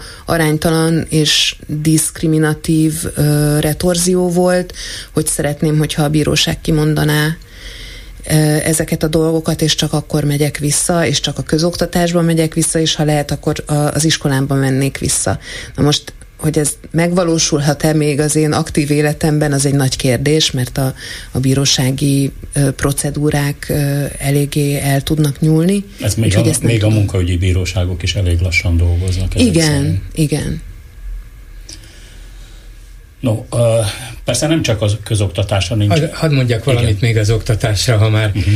te is egy mély lélegzetet vettél, hogy hogy folytasd, de um, az jutott eszembe, hogy éppen ezen a héten, amikor annyi lelkes, diadalittas nyilatkozatot látunk, hallunk arról, hogy milyen fantasztikusan sikerült, egyébként igen, az atlétikai világbajnokság, hogy mennyire megmutattuk magunknak, a világnak, és itt lehetett összhangban, egyetértésben jól dolgozni, mindenkinek örömet szerezni, éljen Orbán Viktor közölte is, hogy most már több részletben megmutattuk, hogy tudunk több részletben olimpiát rendezni, már csak egy van hátra, hogy egybe az egészet minél előbb, mert hát ez tulajdonképpen jár nekünk, olyan sportnemzetben. Igen, uh-huh. Ne, hát az egész nemzetnek, hát nem, ne legyünk már ilyen cinikusak, szóval a lényeg az, hogy egyre többen, és nem csak ő, mások is, szervezők, politikusok, ehhez kapcsolódó ilyen-olyan szakemberek mondják, hogy hát igen, tulajdonképpen fel vagyunk készülve rá, úgyhogy arra mindenképpen fel kellene készülnünk, hogy a következő egy-két évben politikai szempontból ezt megpróbálják fölépíteni. Szerintem nem azért, bár lehet, hogy Orbán titkon bízik benne, hogy 2036-ban valóban rendezhessünk olimpiát, mert erre az esélyünk szerintem minimális. Bár nagyon szép uh, történelmi párhuzam lenne, hogy pont száz évvel a berlini olimpia után Senkinek nem jut ez eszébe. Rajtam Nem kívül. jut, igen. De nem, hát gondoljuk meg, ha India, vagy Isztambul, vagy Indonézia, vagy Kairó akar olimpiát rendezni, akkor nem, nem rúghatunk labdába nyilvánvaló, de mindegy, sok minden történhet addig. De hogy fel akarják ezt építeni, és aztán azt mondani, hogy lám, itt vannak ezek a liberális, libernyák fagyagók, a baloldal, az ellenzék, az ilyen-olyan megmondó emberek, akiknek nem tetszik.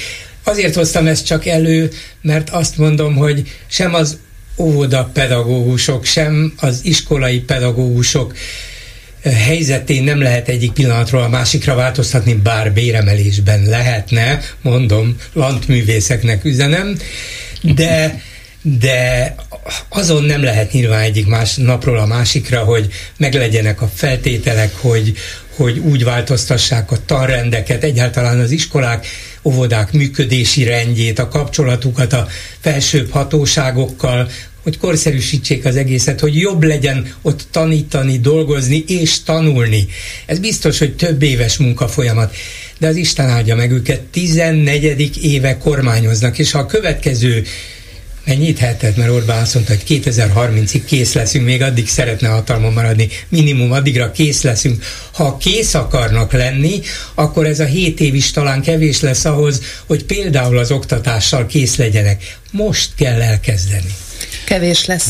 Igen. De az egy hosszú távú folyamat, és azzal nem lehet választásokat nyerni, attól tartok. Illetve az a probléma... Hardi Mihály politikai tanácsadót Nem, nem, egész egyszerűen csak már olyan sokszor térünk erre vissza, hogy mind az egészségügyel, mind az oktatás bajaival, ugye magánemberként vagy izolálva családokként szembesülünk, tehát nincs egy közösségformáló ereje, ezért politikailag nem túl érdekes a vezetés számára, míg amikor az, az internet adó elleni tüntetésen ugye több tízezrek voltak kinn az utcán, akkor rögtön észbe kaptak és visszaszívták a dolgot. Egyébként pedig azt gondolom, hogy először az országot kellene rendbe tenni, és utána kellene fantáziálni különféle olimpiák rendezéséről, majd hogyha a kétszámjegyű utaknak nem csak az autószerelők örülnek, mert szétrázza az összes autót, hanem az országban működőképes vasút, út, iskola, egészségügy lesz, majd akkor kellene az ötkarikás játékokról beszélni, addig le fog zögykölődni legalább az ötödik karika, még egy Audiról is, és marad csak négy. Na mindegy. Szóval. Egy, egyébként ez, ez érdekes, ah. hogy, hogy valóban így van, hogy először rendezünk Forma 1-es futamot, meg most már lassan MotoGP versenyt is, mm. mint hogy rendben legyen téve a magyar úthálózat és először akarunk olimpiát rendezni, mint hogy a, a magyar, áll, magyar emberek egészségügyi állapota rendben lenne téve. Amúgy pedig hát az országban minden rendben van, hiszen ezt megmondta egy hozzáértő amerikai e, televíziós személyiség is, Tucker Carlson, aki megnézhette az üzbég és a kirgiz elnök társaságában a miniszterelnöki palota erkélyéről, mert nem kolostor, palota, a várból a tűzijátékot, ő ebből azt a következtetést mondta le, hogy itt minden rendben van. Nem tudom, hogy sikerült. Egy Gyurival tudom, hogy mi mind a ketten hivatalból megnéztük ezt a a miniszterelnöki színházat. Igen. igen. Ja, azt, azt hittem, hogy ti is ott voltatok. Én a tűzijátékot sem láttam. nem mertem bevallani. De ez, ez, ez a másnak tudható be. Szóval ebben az országban tulajdonképpen csak azért kell a gátakat magasítani, hogy a tej meg a méz át ne csapjon rajta. Ez derült ki ebből az interjúból. Hát messziről nézegető ember, de még a turisták is gondolhatják azt, hogy itt minden rendben van. Tehát akik megnéznek egy csodálatos tűzijátékot, én sem láttam, nem vagyok egy tűzijáték kedvelő, vagy akik egyszerűen csak ellátogatnak Budapestre, és nem néznek egy picit se a belső kerületeken túl, azok gondolhatják azt, hogy itt minden rendben van.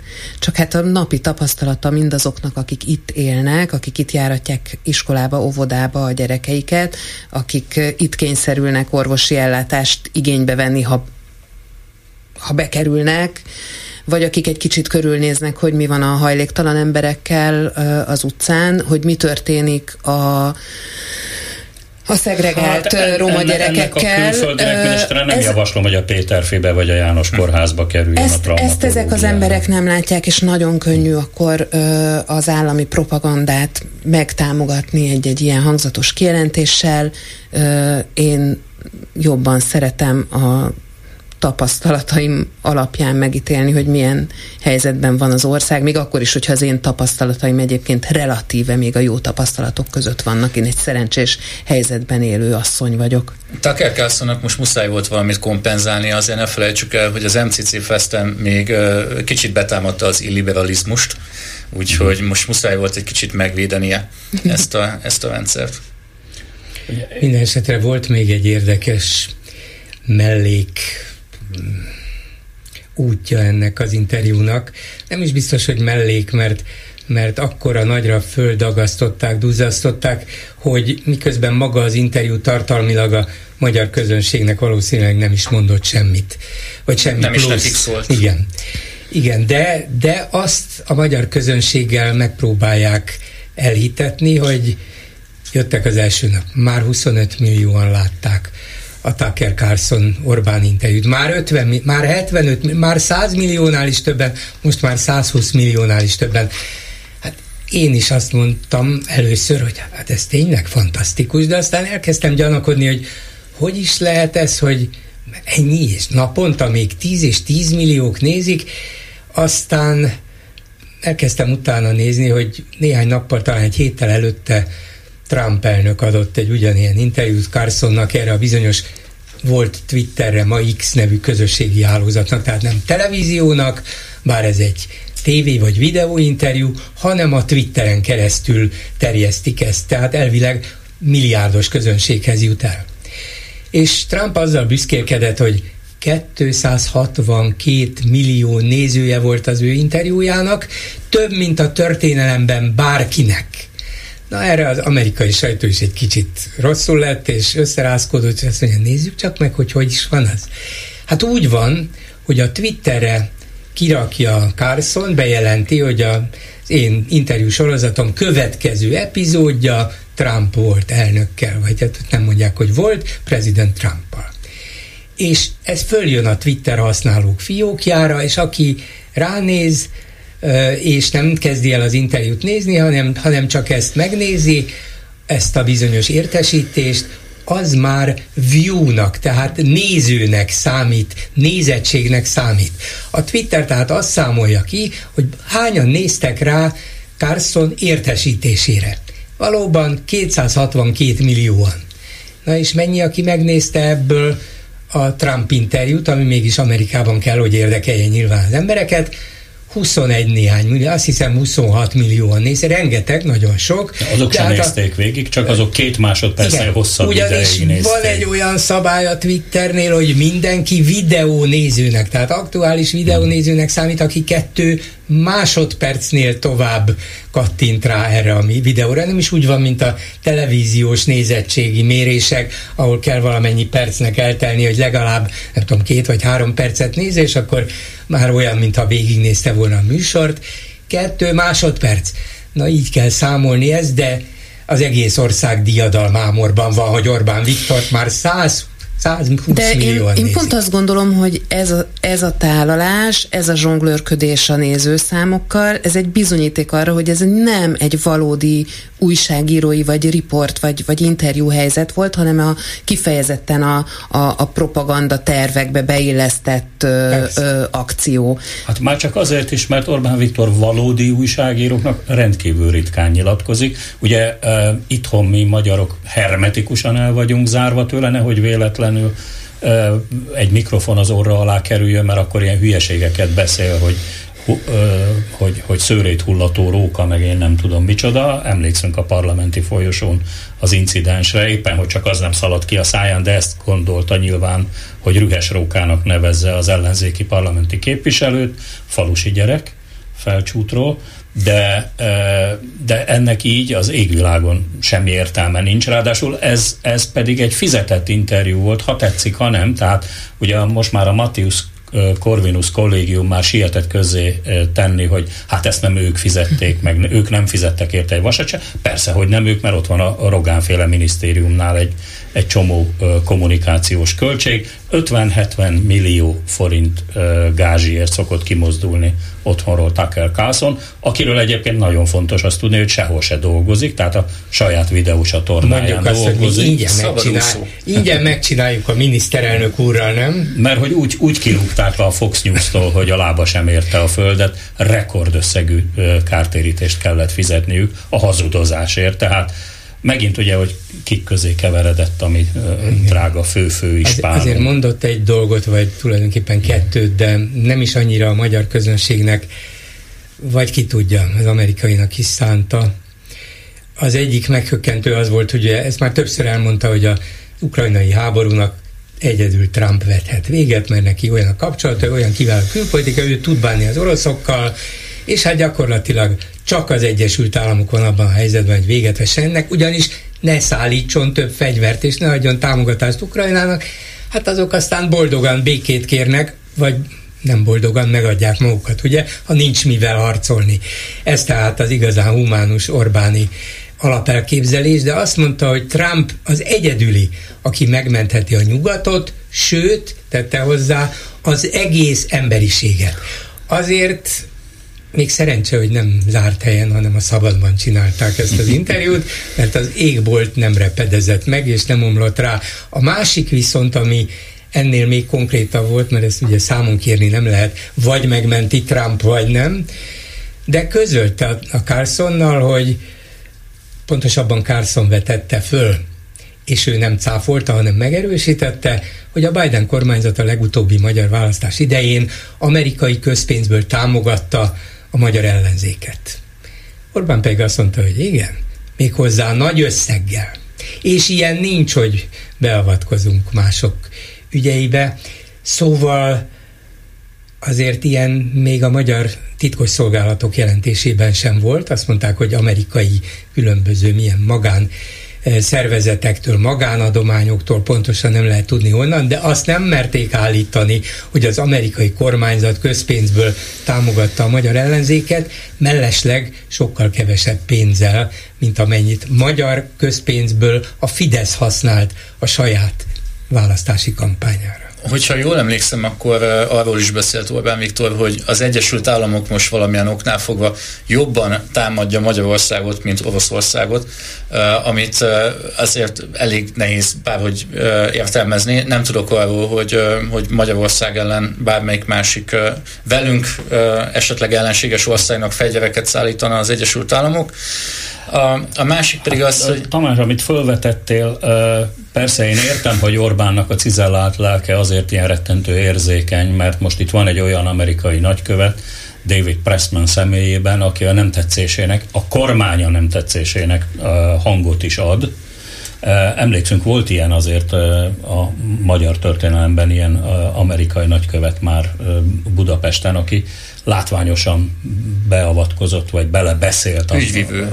ügyvívő nem, nem, nem. A, a, akire te emlékszel, ő az, aki a bizonyos tolmácsot kérek esetnél kísérgette. Nem a rendszerváltás idejére gondolsz. De Robert Palmerre, aki, aki, aki szintén egy, egy látványos figura volt, de ugye ezt mindig tudni kell, hogy ezek a nagykövetek, ezek nem a kisújukból szopják meg, nem, nem az jut neki eszébe, hogy akkor most én fogom magam és, és mondok egy csúnyát a fogadó ország miniszterelnökére, hanem ő mindig azt teszi, amire őt a külügyminisztériuma vagy a Fehérház utasítja. Tehát ő nem a saját magánvéleményét mondja. Ezt mindig hajlamosak vagyunk elfelejteni. Hát, és közben a magyar kormány média azzal vádolja őt állandóan, így nevezi Biden embere, Biden embere, így Miért az előző a nagykövet, a Kornstein nem Trump embere volt? Annyira, hogy büszkélkedett is vele, hogy a Trump a barátja. Azért nevezte őt ki. Akkor nem volt baj. Hát Trump Egyébként barátjának lenni kö- dicsőség. Köztünk szólva azért az egy nagyon érdekes diplomáciai kinevezés volt, ugyanis egy, egy gyémánt nagykereskedőt neveztek ki, de nagykövetnek olyan volt, mint ahogy a, ahogy a banánköztársaságokban, Közép-Amerikában szokás, egy olyan helyre, egy olyan posztra, ahol nem számít, oda elküldöm a haveromat, aki támogatta a, kampányomat egy csomó pénzzel, és aztán majd csinál, amit akar. Hát nem is találta még a, a, az ajtó kilincset se Kornstein sokáig itt Magyarországon, mindenhol arról beszélt, hogy ő hogy értékesít egy gyémántot a, nem tudom én, a Walmartba, vagy amely üzletbe. De ha már szóba kerültek a nagykövetek, Ugye elmaradt egy aktus Szijjártó Péternél, az orosz nagykövetet valahogy nem hívta be, nem hivatta be a külügyminisztériumba, miután kiderült, hogy a héten, hogy az orosz hetedik osztályos tankönyvben fasiszta lázadásnak minősítették 1956-ot Magyarországon, de ide járat, jövött a klubrádióba pont a Néprajzi Múzeum közötti emlékműnél eszembe jutott, hogy hát ez egy fasiszta emlékmű az oroszok szerint. Szóval ez kimaradt. Szijjártó Péter nem rendelte be az orosz nagykövetet, hogy tiltakozzon. Ennél sokkal kevesebbért már rángatták a szlovák meg a ukrán nagykövetet, amíg volt. Volt akkor, visszautalok erre a Carson interjúra, egy árulkodó mondata Orbánnak, mert kérdezte őt a, az oroszokkal és Putyinnal fenntartott viszonyáról, hát mondjuk úgy, hogy alá kérdezte, de mindegy. Erről kérdezte a Carson őt, és azt mondta, hogy amikor ő először találkozott Putyinnal, akkor megállapodtak abban, hogy a történelmet nem veszik napirendre. Történelemről nem fognak beszélni, mert annyi minden terheli a magyar-orosz viszonyt, hogy a történelmet zárjuk ki. Meg vagyok győződve, hogy ebben az esetben igazat is mondott, de az lehet, hogy ő 2009-ben vagy mikor találkozott először talán Szentpéterváron Putyinnal, vagy aztán miniszterelnökként gyakorlatilag minden évben, lehet, hogy ő ezt akkor megfogadta, és abban az időben még talán pragmatikusan elfogadhatónak is lehetett nevezni, bár a jelcini bocsánatkérés után azért nem annyira, ez egy visszalépés volt, amit Orbán elfogadott, de tegyük föl, hogy pragmatikus okokból még akár lehet is rám csendben bólintani.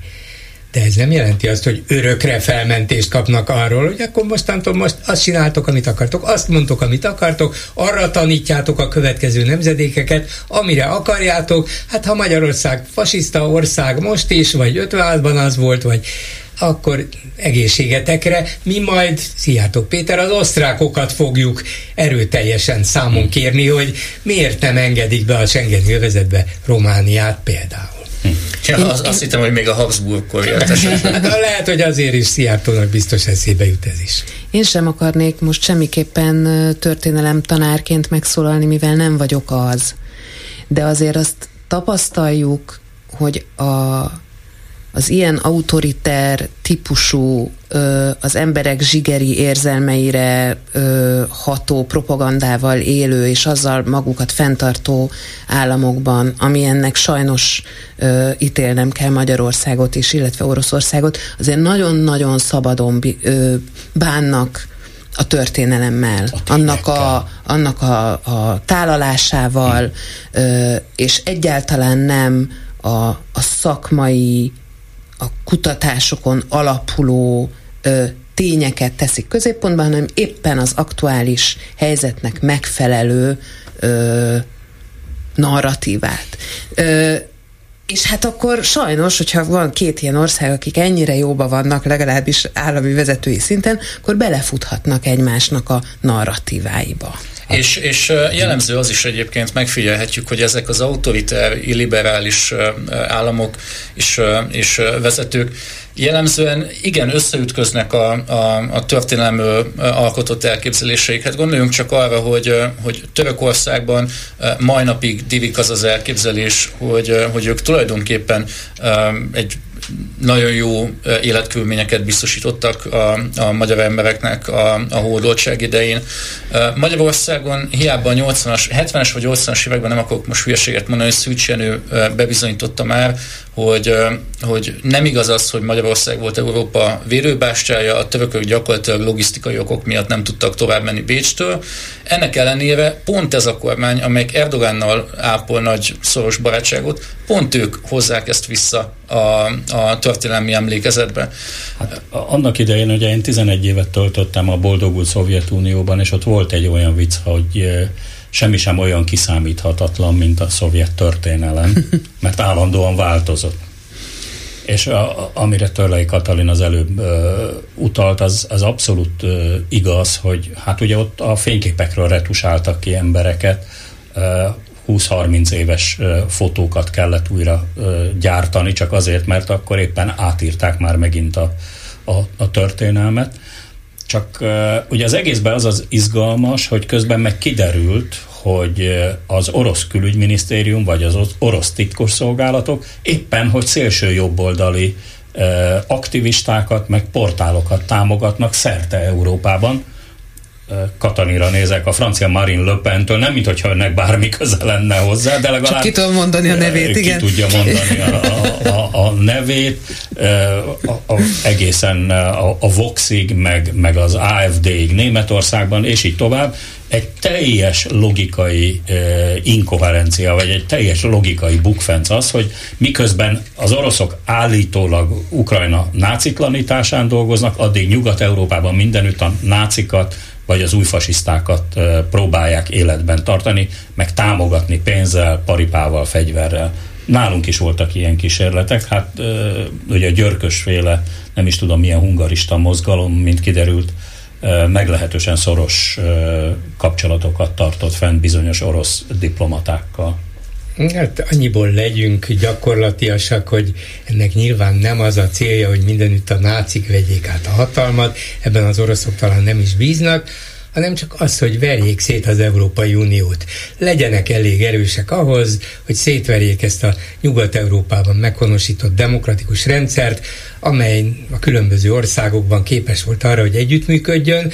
Ez Oroszországnak egy rivális, nem tetszik neki sem ideológiai, sem politikai, sem gazdasági, sem stratégiai, semmilyen szempontból szét kell verni. Hát ha ehhez a nácikat kell felhasználni, ám legyen, hát mi, mi aztán igazán nem fogjuk megakadályozni, mondják az oroszok, ez a leghatékonyabb módja. De hát ezt észre kell venni, és ha lehet, akkor leleplezni, amikor lehet, tényleg. És van egy másik történetünk, ez már szintén itthoni, de Debrecent nagyon érinti. Hogy állnak most a akkumulátorgyárak építésével? Él és virul minden, és megbonthatatlan a kínai-magyar barátság. Igen, egy pillanatra visszautalnék az előző ponthoz, hogy milyen inkoherenciák vannak. Érdekes, hogy, hogy Orbán pont arról beszélt Carlsonnak, hogy, hogy Trump megmentheti az emberiséget. Hát milyen jelenségektől kellene megmenteni a komplet emberiséget? Leginkább talán a klímaváltozástól, és ugye Trump az az elnök, amely kiléptette az Egyesült Államokat a Párizsi klímaegyezményből. Azért hozom ezt most ide, mert ugye az akkumulátorgyárak mellett is azért érvelnek, hogy, hogy a zöld átálláshoz szükség van ezekre, és hogyha... Az a zöld átállás, ez máshol lesz, nem nálunk a jelek szerint, mert annyi energiára van ehhez szükség, hogy ezt nem tudjuk megtermelni. Igen, Debrecen környékére érdemes ránézni, hogy, hogy akár az elmúlt tíz évvel ezelőtt hogy nézett ki, és most hogy néz ki mondjuk egy, egy műhold kép. Gyakorlatilag lebetonozzák Debrecen egész környékét, egy gyönyörű szép hősziget lesz az egész nyári órákban, éjszakai órákban lehet majd elkezdeni egy ilyen hajna három környékén a, a szellőztetést. Egyébként erre már most is voltak példák. Most leginkább az borzolja a kedélyeket, hogy, hogy elkezdtek találkozni a debreceniek és a környékbeliek a, a vendégmunkásokkal. Elsősorban a környékbeliek, mert, mert az agglomerációban Nem akarod azt mondani, hogy elön, előzönlötték a migránsok Debrecen környékét? Az előzönlés, az, előzönlés az, az túlzás lenne azért, Elveszik de, de a ilyenek, magyarok munkahelyét. Nem, megvédik. Ugye Szijjártó Péter pont most jár Debrecenben, és, és adott egy interjút a helyi önkormányzati tévének, ahol arról beszélt, hogy azért van szükség a vendégmunkásokra, mert ők megvédik a magyar munkahelyeket. Igen. Nehéz ez után a mondat után megszólalni. Igen. Igen. Hát ez szellemes, ez kétségtelen, hogy, hogy mondjuk egy, ha ez a a para kollégánknál hangzik el, akkor azt mondom, hogy hát kabarénak ez nagyon jó, a 160, a, bocsánat, a hócipőbe. Igen, bármikor, amikor ez szóba kerül, hogy kell-e akkumulátorgyár Magyarországon, én mindig azzal nyugtatom magam, vagy a beszélgető partnereimet, hogy biztos, hogy valamennyi kell, hiszen ez az elektromos autó átállás, ez szinte eldöntött dolog, ez biztos, hogy így lesz a következő 10-15 évben, elektromos autókhoz kellenek akkumulátorok, valahol ezt elő kell állítani, hát vagy mindet Kínára testáljuk, hogy csinálják ott, de az nyilván sok szempontból nem igazán jó ötlet, semmilyen mokból nem, tehát észszerű, hogyha a BMW épít itt egy gyárat, és ott elektromos autókat fog gyártani, akkor a szomszédban készül egy akkumul- ehhez való akkumulátor, akkor azt mondom, hogy hát van ebben ráció. A kérdés mindig az, hogy ennyi kell -e, ilyen sok helyen, ilyen sokféle, ilyen mennyiségben, és ez ugye most már azzal büszkélkedik Szijjártó, hogy már a világon a másodikak vagyunk, miért is kellene egy 93 ezer négyzetkilométer nagyságú országnak a világ második legnagyobb akkumulátorgyártójává válnia? semmi nem indokolja, de ennek a hátrányai ebből már látszanak, hiszen tudjuk, hogy valamilyen szempontból, nem egy, hanem több szempontból is veszélyes üzemek ezek. Nyilván figyelhető, ez karbantartható, monitorozható, nem kell, nem kell igazán félni, de állandóan figyelni kell, hogy nehogy az emberek valamilyen károsodást szenvedjenek, akár az ott dolgozók, akár az ott élők, de épp olvasom, hogy a BMW nem csak így csinál akkumulátorgyárat, hanem Bajorországban is. És ott például egy, egy ilyen 3000 lakosú kis falu mellett építenék föl a falu vezetése egyértelműen támogatja, mert a környéken elkezdtek megszűnni munkahelyek, azt mondják, hogy kellenek nekünk ezek a munkahelyek, ez nekünk jó, bevételt is hoz az embereknek, munkát, és így tovább. De az ott lakók azt mondják, hogy hát ez lehet, hogy így van, én viszont nem fogok tudni rendesen, normálisan, csendben, nyugodtan, békében, tiszta levegőben élni. Úgyhogy azt mondták, hogy népszavazást. És mi történik Bajorországban? Népszavazás lesz azon a 3000 lakosú településen, itt pedig Debrecen mellett Mikepércsen lesz népszavazás? Nem csak Mike Pércsen, ugye Mike Pércsiek hiába népszavaznának, mert hogy nem Mike Pércsen valósul meg ez a, ez a beruházás, de Debrecenben sem lesz, már, már gyakorlatilag több száz népszavazási kérdést adtak be eddig a, a helyi választási bizottságnak, és mindent elutasították. A Mike Pércsiek abban bízhattak volna, hogy esetleg egy országos kérdés átmegy, arra ők is szavazhatnak, de látjuk, hogy, hogy azokat is sorra elutasították eddig. Amikor... Csak nem az derül ki, hogy a hajdúság nem Bajorország. Hát, hát sok tekintetben nem Magyarország. Amikor arról beszélünk, hogy, hogy ezek már eldöntött tények, hogy, hogy az elektromos autógyártásra áll át a világ, és hogy hát hogyha ez van, akkor kell az akkumulátorgyár ilyenek, azért ne felejtsük el azt sem, hogy ami történik, az alapvetően a, a globális multinacionális tőkének a, az érdekeit szolgálja ki. Egyszerűen teljesen logikusan belegondolunk, a zöld átállás az nem azt kéne, hogy jelentse, hogy az eddigi az eddigi hagyományos autókról átállunk elektromos autókra, hiszen ezeket az elektromos autókat le kell gyártani. Ezeknek mindnek vannak nagyon súlyos környezeti költségei.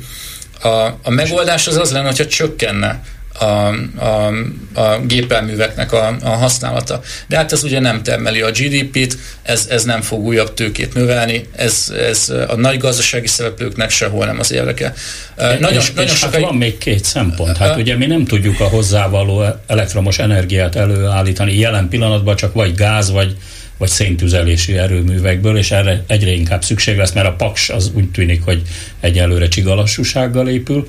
A másik pedig, hogy ezeket az akkumulátoros autókat mondjuk a norvégok, vagy az osztrákok, vagy az izlandiak, akik megtermelik ö, tiszta energiából, vagy vízi energiából az ehhez szükséges áramot, amivel majd feltöltöm az elektromos autómat, ott lehet azt mondani, hogy ez ott, ott zöld módon használják, de nálunk azért a mi hálózatunknak a döntő többségét még mindig a hagyományos nagy széndiokszid lenyomatú erőművek fogják biztosítani, legalábbis a mostani tudásunk szerint. És hát van még egy harmadik kérdés, amire én nem tudom a választ, de tartok tőle, hogy egy ilyen gazdasági monokultúra az megint kiszolgáltatja az országot, és mit csinálunk, ha nyolc év múlva mondjuk olyan fázisba kerül a, a hidrogénüzemű autógyártás, hogy az lesz a jövő. Akkor dobjuk ki az egészet? Mint a lélegeztetőgépeket. Hm. Lehet majd sokat darálni. Engem az borzaszt el ezekkel kapcsolatban, ezekkel a, ezzel az iszonyatos nagy léptékű akkumulátorgyárépítéssel kap, kapcsolatban, hogy ugye mindig beszélünk ezeknek a környezetvédelmi vonatkozásairól, vízgazdálkodási, stb. Ö, következményeiről. Egy olyan országban, ahol nagyon oda kéne erre figyelni, és nincs például környezetvédelmi minisztérium. És nem, nem véletlenül. És, és, és, és, és valahogy ez egy akkora egyensúlybomlás, pont akkor, amikor a, a hangsúlyokat el kéne vinni a környezetvédelem ide, irányába, amitől, ö, amitől tényleg ijesztővé válik ez a, ez a léptékű építkezés. És akkor Va, bocsánat, csak valamit nagyon beszeretnék hozni, mert nem szoktak beszélni a vendégmunkások kapcsán ebből a, ebből a kérdésről. Mindig arról beszélnek, hogy milyen hatást gyakorolnak majd a vendégmunkások egy, egy település életére. Persze, hogyha, hogyha nagyon rossz megoldással próbálják őket integrálni, vagy sehogy se próbálják őket integrálni, hanem összezárják őket nagy konténervárosokba, akkor, akkor óhatatlanul ott elő fognak fordulni komoly társadalmi feszültségek. De amiről nem nagyon szoktak beszélni, az az, hogy milyen körülmények között járnak ezek a munkások. Azért Hajdubihar megyében olyanokat látunk most már, hogy Mikepércsen, Sávándon egy kádár kockában 30-50 ember zsúfolódik össze. Ak- akkor el lehet képzelni azt, hogy, hogy milyen körülmények között Szinte járnak. teljesen jogfosztott állapotban vannak itt, mert ha bármiért felemelik a szavukat, már mehetnek őket. haza, és az egyik Fülöp-sziget lecserélik egy másik Bangladesére plusz lenyomják az, a, a fizetéseket természetesen, hiszen ők kevesebbért is hajlandóak idejönni, úgyhogy ebben is ö, van valami fajta gazdasági, sőt politikai számítás. Van, van is egy olyan Debrecenben is működő munkaerő közvetítő cég, amely azzal reklámozza magát, hogy azért érdemes külföldi vendégmunkásokat, ázsiai vendégmunkásokat foglalkoztatni, mert ők százszerzelékos cseregaranciát vállalnak rájuk. Hm ez elég szépen hangzik, mint egy ilyen áruházi terméknél. Mm. Igen. Na de hogy azért legyen valami szép is a végére, és akkor szonáta formában fejezzük be a beszélgetést, vagyis az első tételt megismételjük a végén. Hát lehet, hogy azt hiányzik ezeknek a vendégmunkásoknak, hogy Orbán Viktor hét bölcsességét nem írják föl nekik a falra, esetleg az anyanyelvükön, nem úgy, mint egy csepeli gimnáziumban, ahol ugye Orbán Viktor aranyköpéseiből rögtön egy gyűjteményt tettek ki a falra. El Igen, ezen... képzelni uh, vicc nélkül? Katalin. Hát most már kénytelen vagyok elképzelni, mert láttam a fotót a, a feliratról, tehát már nem kell a fantáziámat különösen használni, amint töprengtem, meg ami, amit, amit nem tudok még pontosan azonosítani, az, hogy, hogy kinek jutott ez a csodálatos ötlet a, az eszébe. Hát biztos Pacal Szilárdnak, hát ő, ez az ő volt gimnáziuma. Hát vagy német Szilárdnak, vagy, vagy én, én, én azon sem csodálkoznék, hogyha, hogyha egyszerűen egy, egy helyi kisvezető ö, szeretett volna a nagyvezetőknek a kedvébe járni ilyen módon. Látjuk, hogy milyen gyorsan harapodzik el ez a fajta viselkedés is, és a, az öncenzúra is alacsonyabb szinteken, ahol ezek a, az éppen picike kis hatalmat kapó emberek fölfelé rettenetesen alázatosak, lefelé pedig hát kellőképpen kegyetlenek ezt a szaknyelv házmester fasizmusnak nevezi. Nevezzük annak akkor. De tényleg, tehát hogyha egy ilyen megtörténhet, hogyha ott a, a helyi ö, közösség ez ellen nem lép fel, akkor, akkor most már tényleg az a világ fog eljönni, ahol, ahol a, a koronás címer és az esetleges feszület mellé a laikus iskolákban még kiteszik majd Orbán Viktornak az arcképét. Tehát, hogy ö, ö, megint a, a, az időutazás jut az eszembe, tehát hogy, hogy elvileg egy laikus államban élünk, ahol egyház és állam és a különféle hatalmi ágok, ágak elválasztva kellene, hogy működjenek. Mondom, most már Katalin csak elvileg. Megfertőzte a francia forradalom eszméje, már látom. De hogy, de hogy ez, ez tényleg elképzelhetetlen és egészen furcsa jövőképet mutat, nem tudom, mi lesz ezeknek a sorsa. Tehát ö, én csak azt tudom mondani, hogy az egy nagyszerű dolog, hogy ö, láthatóan nagyon szépen felújítottak egy iskolát. Ö, kérdés, hogy ez e, ezt miért nem teszik meg mondjuk ö, nyírségi kisfalvakban is. Ö, de hogy, hogy ha ez ellen a helyi közösség nem lép fel, és nem kérik ki magának, hát akkor, akkor az még egy bizonyíték arra, hogy elég elkeserítő országban élünk. Én, én nem tudom, hogy miért álltak meg egyébként ezen a szinten Csepelen, hát számtalan idézet van még Orbán Viktortól, amit, amit föl lehetett volna hozni. Én most gyorsan kikerestem egyet, mobilból olvasnám fel, hogy pontos legyen. 2008-ból származik egyébként egy, egy nagyon aktuális idézete miniszterelnök úrnak. A miniszterelnök cseve a megoldása a forintválságnak. Akár ezt is ki lehetett volna írni. Hát innen már csak egy lépés egyébként, hogy lovas szoborra gyűjtsünk Orbán Viktor számára Csepelen. Törlei Katalinnak, a Tanítanék Mozgalom képviselőjének, Polgártót Tamásnak, a debreciner.hu munkatársának és Bolgár Györgynek nagyon szépen köszönöm, hogy az elmúlt 50 percet együtt töltöttük itt a stúdióban. Köszönjük, Köszönjük szépen. Ezzel a hetes stúdió műsorának a végére értünk. A mai adást Józsa Márta szerkesztette.